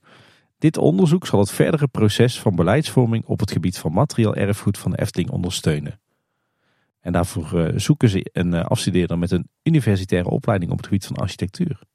Nou, dit klinkt wel heel gaaf dat ze hun erfgoedbeheer dus zo serieus nemen dat ze zelfs hier onderzoek naar doen. Zou het nou voortkomen uit bijvoorbeeld die discussie rond het spookslot of zou dit iets zijn wat bij de Efteling toch wel intern leefde? Uh, ja. Dat is toch wel politiek correct antwoord, Tim? Ik denk, ik denk beide. Ik denk dat het een het misschien een beetje versneld heeft. Maar ja, uh, het lijkt wel specifiek uh, gericht te zijn ook op die akkefietjes die er toen zijn geweest. Misschien ook dat er een beter weerwoord is hè, en dat er gewoon uh, dat er wat beter onderbouwde argumenten liggen. En beide kanten op. Misschien dat voor de Efteling ook het misschien inzichtelijker maakt hoe waardevol het is om bepaalde dingen wel te behouden. Of in ieder geval zoveel mogelijk in de vorm te behouden zoals ze te waren. Nou. Ik denk in ieder geval dat de vele ophef rondom het verdwijnen van het spooksel, dat het wel echt een wake-up call was. Dat er dus blijkbaar in den landen veel meer waardering is voor het, het Efteling erfgoed dan ze misschien zelf dachten. Ja, ja. Nou, goed dat ze dit zo serieus gaan aanpakken. Ik ben heel benieuwd naar wat, wat daaruit komt uit dit onderzoek. Een andere afstudeerstage die vindt plaats bij Data and Insights, het team van Jonas. Daar kun je natuurlijk heel veel over horen in de aflevering waarbij wij het theater in zijn gegaan. En ja, ik kan ook hier het beste gewoon even voorlezen wat de bedoeling is. De Efteling bevat vele plekken waar regelmatig onderhoud nodig is. Denk aan alle attracties. Dit onderhoud willen we zo slim mogelijk aanpakken. Met behulp van de smart maintenance filosofie willen we onderzoeken in hoeverre het onderhoud voorkomen en voorspeld kan worden. Het is jouw opdracht om voor één enkele attractie hiervoor de mogelijkheden te onderzoeken en met de benodigde wiskundige kennis hiervoor een model neer te zetten. Dat betekent dat je alle data van een attractie krijgt en hier enerzijds op modelleert en anderzijds de Efteling advies geeft welke data er nog ontbreekt. Oeh, die is ook heel interessant. Ja, als dit jouw wereldje is, dan kan het echt wel een hele vette afstuderen stage zijn. In dit geval gaat het trouwens om een HBO of WO opleiding Data Science of toegepaste wiskunde. Hier hadden ze toch al eerder een uh, samenwerking voor met uh, een of ander adviesbureautje. Ja, ik weet niet waar jij nu precies op doelt, maar we hebben het ooit wel eens gehad over zo'n uh, technologie waarbij de trillingen van een attractie meet. Ja. En dat je op basis daarvan kunt voorspellen wanneer het onderhoud nodig gaat zijn, nog voordat er iets ellendigs gebeurt. Zeg maar, voordat het in één keer spontaan stil gaat liggen. Ja. Uh, dit is wel iets anders. Het kan wel zijn dat ze hier vergelijkbare sensoren en zo bij uitlezen. Maar het kan ook gewoon zijn dat het over het aantal ritjes gaat. Misschien het duur van ritjes, het moment dat ze los worden gelaten in de remblok of zo komen, dat daar ook nog iets in te analyseren is. Nou, je krijgt een bak data in ieder geval als je dat hebt. En uh, alle data zelfs, als ik het mag geloven. Dus hopelijk zit er wel interessants tussen. Gezien het uh, gedoe bij Max Moritz het afgelopen jaar lijkt me dat een ideale attractie om dit eens uh, aan te pakken. Zou dat het onderwerp zijn? Dat zou wel kunnen. Zomaar een educated guess. Hey, op uh, zaterdag 9 december vond uh, de Villa Padouze Winterrun weer plaats. Het uh, was op een kletsnatte dag. Ik sprak wat mensen die, die eraan hadden meegedaan en die zeiden... we stonden echt letterlijk tot de knieën in de modder. het was in ieder geval niet op het Loonse land dan, want daar kan dat niet meer. er waren ruim 1800 deelnemers deze keer, waarvan bijna 200 kinderen en 27 bedrijven. En de opbrengst was 173.652 euro. Zo, dat is echt flink. Flinke oh. smak geld ja. Uh, voor Villa Padus. Wij hebben ook nog uh, gedoneerd aan een redactielid van ons uh, dat meedeed. En ik zag wat foto's voorbij komen van de uitreiking. En ik zag onze vriend van de show, Domien van Schuren, daar nog acte de présence geven. Zeker, en die heeft ook het startschot gegeven van de verschillende runs. Dus die was daar heel de dag bij. Misschien moeten wij ook maar eens wat gaan doen met die windrun, Paul. Volgens mij kan je hem ook wandelend afleggen. Ja, ja, dat lijkt me echt wat voor ons. Met de opnametas om de nek. Oeh, die heb ik om de nek, hè? Ik, heb nou, ik wissel wel halverwege met jou dan. Oké, oké, oké. Ja, en dan heel tof nieuws voor onze collega's van de Vijf Zintuigen. En ik hoop ook voor een hoop van onze luisteraars. Want de documentaire Het Spookslot, de historie van station Halfweg. Die kun je weer gaan bekijken in de leest. Tenminste, als je tickets hebt kunnen kopen. Want op zaterdag 17 februari en zondag 18 februari waren nieuwe voorstellingen aangekondigd. Maar die zijn allemaal op dit moment uitverkocht. Ik weet niet of er nog ruimte was voor een nieuwe show, daar leek het eigenlijk niet op. Nee, want in eerste instantie hadden ze alleen twee voorstellingen op uh, zaterdag 17 februari. Die kaartjes die waren binnen 12 uur verkocht. En vervolgens hebben ze nog een extra show op die zondag ingepland. En die was, nou, volgens mij was die nog in minder dan 12 uur uitverkocht. Ja, dat ging inderdaad enorm hard. En ik kan me wel een beetje voorstellen waarom. Want ook mensen die de dook wel hebben gezien en hem nog een keer willen kijken, die uh, kunnen daarin ook iets nieuws te zien gaan krijgen. Want er zit blijkbaar een compleet nieuw interview in verwerkt. Oeh, wauw. Dan ben ik wel benieuwd met wie ben ik ook wel benieuwd naar. Ja. En nog iets tofs uit eh, de fanwereld. Want uh, Operateur, denk ik een bekende naam eh, op Twitter, heeft weer een heel mooi Lego model in elkaar gezet. digitaal overigens, niet, niet daadwerkelijk met Lego blokjes. Hij heeft namelijk in de Lego software een model gemaakt van Villa Volta. En als je die echt gaat bouwen, dan heb je 3177 blokjes nodig. En tof is, je kan naar de, de website gaan van Operateur we zullen een linkje in de show notes zetten. En dan kan je eh, als het ware de instructie downloaden. Maar ook volgens mij een eh, soort pakketje voor uh, Bricklinks. Waarmee je al die benodigde 3000 steentjes kunt bestellen. Ja, er staan natuurlijk de Lego sets er niet onbekend als ze per se goedkoop zijn. Maar het nadeel van heel veel steentjes bij Bricklink bestellen is dat dat wel vrij prijzig kan zijn.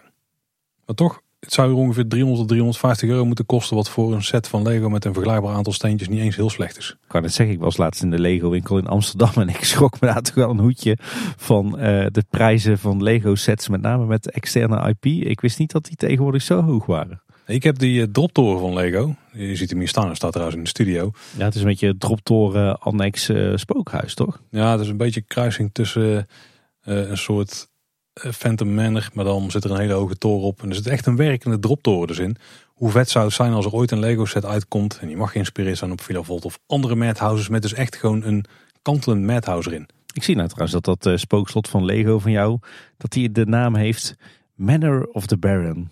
Het gaat over een of andere Baron, wat ook een oud Lego popje. We, gaan, we, dwalen een beetje af, uh, Tim. Die zat in oude Lego sets. Ja, we gaan gaan verder. Ja, luister daarvoor de podcast uh, Steengoed van uh, ja. onze vrienden. nou ja, we dwalen af. Dan gaan we door naar het blokje uit de periferie. En uh, sommige luisteraars die herinneren zich misschien nog wel de redelijk megalomane plannen voor een enorm hotelcomplex aan uh, de Horst ten noorden van de Efteling. Ja, daar zouden ongeveer drie kasteeltorens uit de grond moeten gaan verrijzen. En onder de grond zit dan een heel parkeergarage en die gebouwen zijn verbonden. En uh, ja, dat was nogal een spectaculair plan. Ja. ja, op het dek van de parkeergarage zou dan een duingebied worden gerealiseerd. Ja, ja, nou ja, daar is het heel lang stil rond geweest. En het Brabants Dagblad heeft er wat vragen over gesteld aan de ontwikkelaar Somerset Capital Partners. Volgens mij een uh, projectontwikkelaar uit Oosterwijk. En die is er eigenlijk heel, uh, heel simpel over. Die zegt namelijk, zolang het stikstofprobleem niet is opgelost, gebeurt er niets. Uitstel is geen afstel, de grond die blijft in eigendom en de ontwikkelaar die uh, wacht gewoon af. Zich denk ik begrijpelijk, want ik denk inderdaad niet dat deze grond snel minder waard wordt. En als we het toch over stikstof hebben, dan lijkt het erop dat de provincie Noord-Brabant eh, redelijk recent een hoopgevend besluit heeft genomen. Want eh, wat blijkt, naar aanleiding van een, eh, een uitspraak van de Raad van State in een andere provincie, is nu naar voren gekomen dat bouwwerkzaamheden waar maar een klein beetje stikstof bij vrijkomt tijdens de bouw, toch mogen worden uitgevoerd zonder een natuurvergunning. Wel onder een paar voorwaarden. Je mag dan tijdens de bouwfase maar een kleine hoeveelheid stikstof uitstoten. Als het project af is, dan mag het gebruiken van niet leiden tot extra stikstofuitstoot. En je moet het allemaal van tevoren met een goed uh, ecologisch onderzoek uh, uh, aantonen. Dus in hoeverre dat dit ook echt goed nieuws is voor de Efteling. Met toch forse bouwprojecten waar volgens mij nog best wel wat stikstof bij wordt uitgestoten. Weet ik niet. Aan de andere kant, als het je nou lukt om ja, een hoop op een externe locatie te bouwen. En het in de Efteling alleen maar in elkaar te zetten. En dan liefst nog met elektronisch materieel. Dan is dit misschien toch ook voor de Efteling wel hoopgevend. Er zijn er misschien in de toekomst toch wel wat, uh, wat ontwikkelingen mogelijk. Bijvoorbeeld uh, op strookrijk. Dus het, uh, qua stikstof gaat het de goede kant op. En wat ook nog wel een leuke ontwikkeling is voor de medewerkers van de Efteling die bijvoorbeeld deze podcast luisteren. Is dat er een nieuwe horeca CAO is. En daarin zit een loonsverhoging van 8 tot 12 procent. Best, best netjes inderdaad. Ja. Um, nou is het wel zo dat de Efteling niet meer de horeca CAO hanteert. Dat deden ze vroeger. Ze hebben een uh, eigen arbeidsvoorwaarden en die liggen net wat hoger dan de horeca CAO, die lonen. Uh, maar volgens mij is het wel zo dat die aan elkaar gekoppeld zijn. Dus het zou dan volgens mij betekenen dat ook de lonen in de Efteling arbeidsvoorwaarden omhoog gaan. Zo, ja, ja. Goed nieuws uh, voor de medewerkers daar. En niet alleen degene die trouwens naar Kleine Boodschap luisteren, om het even te nuanceren wat je aankondigde. Ja, maar ja, de medewerkers die niet naar Kleine Boodschap luisteren, die horen dit nieuws ook niet. ik denk dat ze het wel uiteindelijk gaan zien op een loonstrookje. Hoop ik. Ik denk, we gaan eens even door naar reacties van luisteraars. En we hebben een aantal voice clips die al een, een tijdje klaarstaan. Waaronder een van Reda van der Putten. Hoi Tim en Paul. Ik luister Kleine Boodschap al zo'n drie jaar. En ik heb dankzij jullie heel veel geleerd over het rijden en zeilen van de Efteling. En af en toe hoor ik jullie ook praten over dingen waar ik echt nog helemaal niks van af is. Puy du Fou bijvoorbeeld. Een mysterieus ver park dat in Nederland veel minder aandacht krijgt dan Europa Park bijvoorbeeld. Europa Park heb je de beste achtbanen. En voor shows en dark rides moet je eigenlijk niet bij de Duitsers zijn. Maar ik hou van shows, dus ik dacht, Pulevoer, ja, moet toch een keer eh, heen als ik in de buurt ben. Dus ik heb mijn vrouw en kinderen zover gekregen om een paar uur om te rijden. Ik zit er nu drie dagen. En jemine, wat een ontzettend vet, gaaf park is dit. Er zijn zo'n twintig shows die ook een half uur duren. Nog groter dan Ravelijn. Even, minimaal even mooi als soldaat van Oranje. En soms ook een tikketje Caro erin. Echt, dit moet je gezien hebben. Ik zou je ook zeker aanraden om heen te gaan. Zelfs jij, Paul. Ze hebben hier namelijk genderneutrale toiletten. Kom het zien. En ze hebben ook prachtige walkthrough attracties. Waar je dus echt doorheen loopt. in plaats van animatronics hebben ze gewoon 1, 2, 3, soms zelfs 5 acteurs rondlopen die de hele dag hetzelfde zinnetje zeggen in die attractie. Zelfs een heus 17e eeuws kasteel hebben ze hier. Met een echte acteur die je welkom heet bij audiëntie. Bij de koning en de koningin. Echt niet normaal. Nu is ook net bekend geworden dat Pudifu actief werkt aan eigen vestiging in Nederland. Ergens bij Meppel waar ze geen last hebben van stikstof en al dat soort lastige zaken. Ik zou bijna zeggen een gemiste kans voor een second gate voor de Efteling. Ja, we weten ook niet precies hoe die samenwerking loopt bij, bij hoe, hoe soepel het gaat en uh, of er misschien gesprekken over zijn geweest. Maar als je hier geweest bent, kan je wel zeggen dat de Efteling je echt nog wel iets kan leren. Bijvoorbeeld over walkthrough attracties, die hebben ze nog helemaal niet in de Efteling. En het meer inzetten van acteurs, het is echt een hele andere ervaring. En waar ik ook nog aan dacht, het Efteling Theater staat overdag volgens mij altijd leeg. Dan kan je toch een paar duizend mensen kwijt, een paar keer per dag voor een hele mooie show, die helemaal geen extra stikstofuitstoot kost. Hoe denken jullie daarover? En kom het hier echt een keer bekijken, dan kan je het nog beter vergelijken met de Efteling. Bedankt voor al jullie mooie podcasts en heel veel succes. Nou, dankjewel Reda voor jouw toffe uh, voice clip over jouw uh, avonturen in Puy du Fou. Ja, nu ik weet dat ze daar een beetje fatsoenlijke toilet hebben, moet ik ook die kant op, Tim. En uh, walkthroughs. Dat is ook helemaal prima, ja. Zeker. Ja, du Fou staat bij nog wel hoog op het uh, verlanglijstje om ooit eens een keer naartoe te gaan. Had er misschien al wel naartoe moeten gaan, maar ik vind dan toch weer een nadeel dat het zo afgelegen ligt. Ik bezoek dan toch liever toeristische attracties die je mooi kan combineren met een grote stad of zo. Maar ooit zullen we er nog wel eens uh, komen. Nee, je kunt het combineren met Parijs, dan moet je daarna wel nog flink aan doorrijden. Maar... Taffe zijn, inderdaad, ja. En ik ga het liefst met openbaar vervoer op vakantie. Volgens mij is dat ook uh, een beetje suboptimaal in, dat lastig, in Frankrijk. Misschien dat je nog ergens een paard en wagen kunt regelen dan. Ja.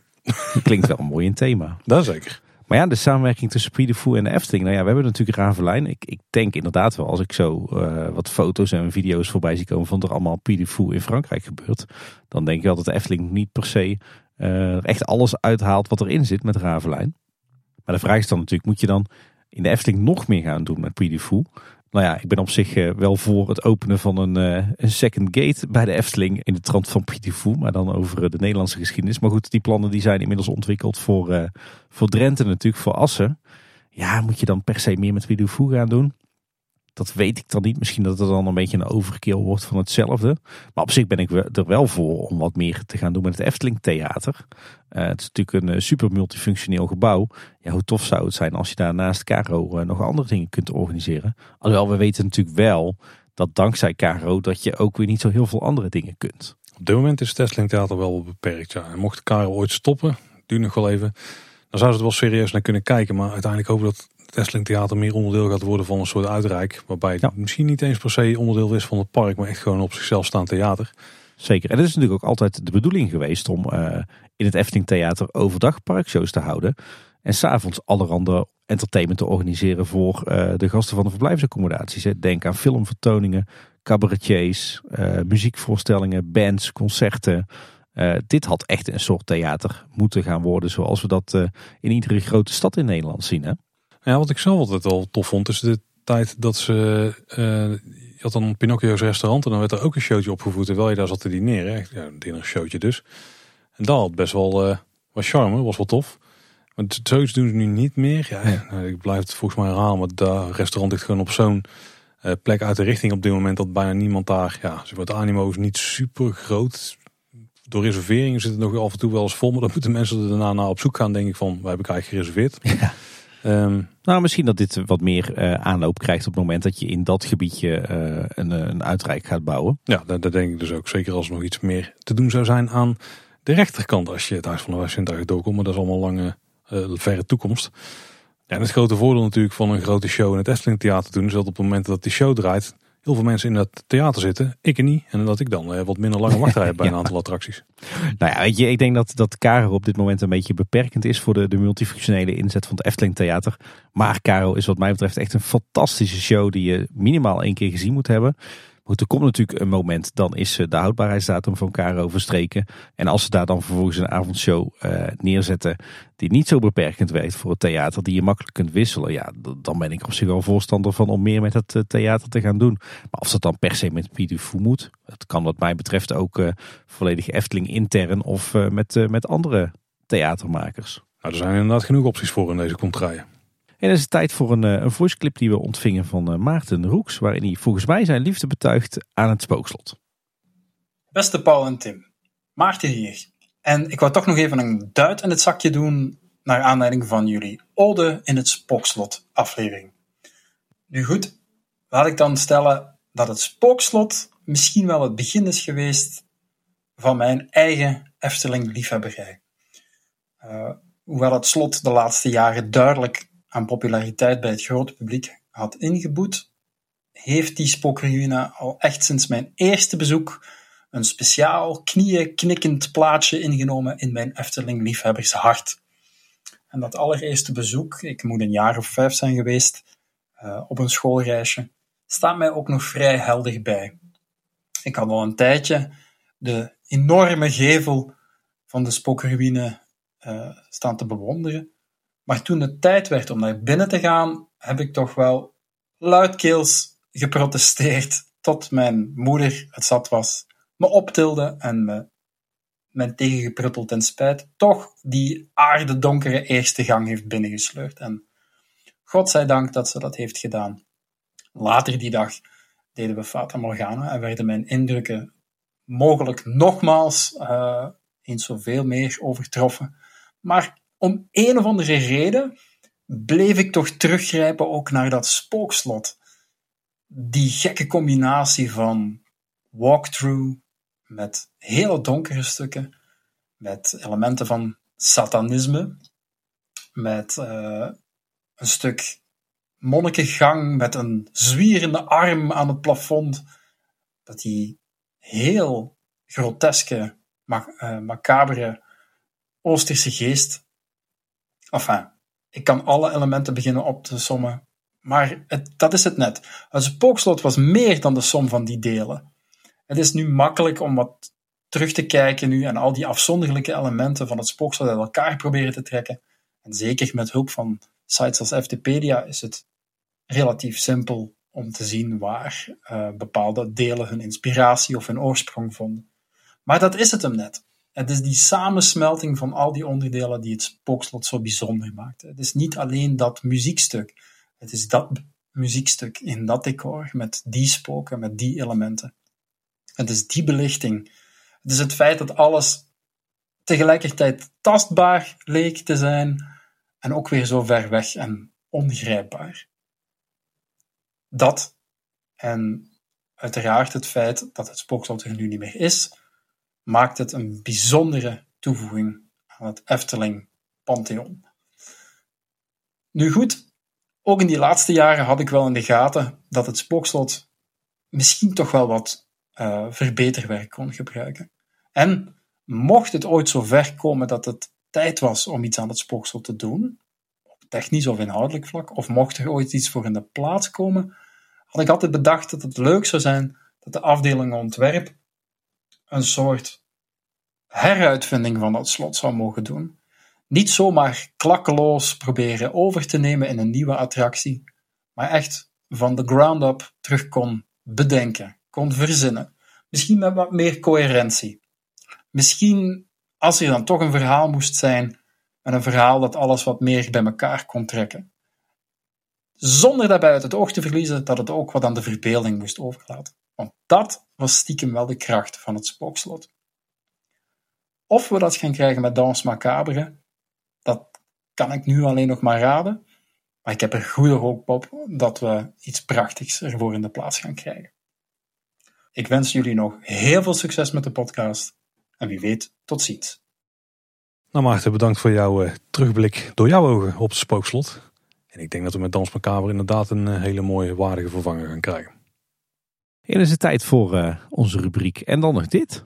Ik heb een paar puntjes, Tim. Ten eerste, je hebt hem al zien staan. Ik heb een schitterende surprise gekregen bij ons op kantoor. Echt een huge surprise. Ja, is bijna net zo groot als jou, denk ik, qua hoogte. is bijna twee meter hoog, ja. Het is een gijs, een beetje in eh, de speeltuin gijsstijl. Die is nog niet zo groot. Maar in het huisje zeg maar. Met, er zit al een, een plaatje boven podcastmachine. Uh, maar uit het huisje steekt de nek van Langnek. En die is bijna manhoog zeg maar. Daar staat de, de hoofd van Langnek staat er bovenop met een kerstmuts. Van de collega gekregen. Super vet. En daarvoor zeker dank. Zo te zien weten jouw collega's wel van kleine boodschap. Absoluut, ja. De kaart die erbij zat met ingesproken boodschap, die, die slaat er ook zeker op. Dan nog een stukje follow-up aan de achterkant van de aflevering. In de aflevering van Willem Sikkers toen hadden we het op een gegeven moment over het moment dat wij dachten mogelijk tegelijkertijd in Universal Orlando te zijn. Um, en ik heb al meermaals de vraag gekregen van hebben jullie elkaar toen echt ontmoet? Hebben jullie dan even kunnen opzoeken naar de rand? Nou dat hebben we kunnen doen. En we hebben helaas misschien moeten concluderen dat we elkaar toen niet hebben ontmoet. Want het scheelde toch net een dag of tien dat wij daar waren. Dus we zijn niet tegelijk er in het park geweest. Dus dan is daar ook weer op geld voor iedereen die het aan heeft gevraagd. Toch wel een teleurstelling, want het was zo'n mooi toeval. Ja, inderdaad. Ja. Nou, ja, ja. Hey Tim, en dan uh, twee audio-gerelateerde zaken. Uh, laten we eens beginnen met een enorme opnameflater die wij recent hebben gehad. Maar waar jullie hopelijk uh, niks van mee hebben gemaakt. Tim weet al precies waar ja, ik op doe. Ik weet al waar je naartoe gaat, ja. het heeft te maken met een helm en met het beklimmen van trappen. Uh, wij zijn natuurlijk op de bouwplaats geweest bij Door een Roosje. En toen hebben wij daar een schitterende bouwhelm op gekregen. En ook overigens in mijn geval schoenen met stalen neuzen. Want je had natuurlijk al schoenen met stalen neuzen. Ik heb die niet op voorraad. Om het allemaal veilig en zo te kunnen laten verlopen daar als we daar rondlopen. Maar met zo'n bouwhelm is het vrij lastig om ondertussen ook die koptelefoon op je kop te zetten. Want die, die zijn niet echt op elkaar gemaakt. Ik had achteraf gezien gewoon oordoppen bij. Die had ik eigenlijk eentje in moeten doen. Want wat gebeurde er? Ik klom naar beneden vanaf de bovenste verdieping van die, eh, die stijgerconstructie die er was gemaakt. En ik heb bij het naar beneden klimmen per ongeluk mijn microfoon uitgezet. Oei. Maar iedereen die die aflevering heeft geluisterd, die heeft alles goed is niet doorgehad. Want je kon mijn stem wel gewoon nog horen. Volgens mij hebben we van niemand eh, een reactie binnen gehad, toch? Van er klopt iets niet. Nee, want ik heb een klein, uh, klein ding op te biechten. Een deel van mijn stem in die opname die is gewoon naar de rand hier in de studio ingesproken. En ik heb hem zo goed mogelijk proberen te maskeren door af en toe wat extra achtergrondgeluid erbij te zetten. En het stukje dat we naar binnen gaan heb ik zelfs de echo moeten toevoegen. Eh, zodat het net klonk dat ik ook daar in dezelfde ruimte stond. Dus dat is allemaal eh, net. Maar op een gegeven moment ontdekte ik het dus, omdat ik zag op mijn display van de recorder dat mijn eh, volume niet meer uitsloeg. Toen heb ik hem snel weer aangedraaid. Dus op het moment dat we staan na te praten, daar ergens, dan kom ik ook weer in de aflevering terug met echt de stem van locatie. Zelfs ik kon bijna niet horen waar jij eh, jezelf had nagesynchroniseerd. En jij wist het, hè? Dus uh, ja, dus je wist dat het was gebeurd. Ik had volgens mij bewust niet gezegd waar ongeveer het begon. Maar jij bent ook een echte audiokunstenaar, hè?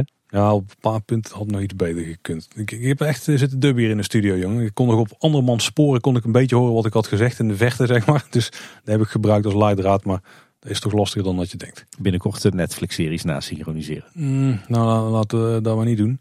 Uh, maar ik heb ook een audio-topper, denk ik, mag ik wel zeggen.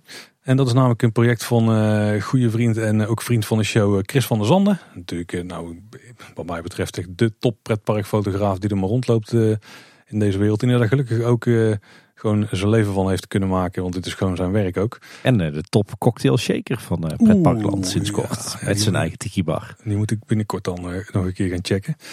maar die heeft ook een heel vet project opgestart. Die Fair on Bus 11. Wat een, een filmproject is wat hij heeft gemaakt. Korte film in dit geval. Volgens mij een tweede film al hè?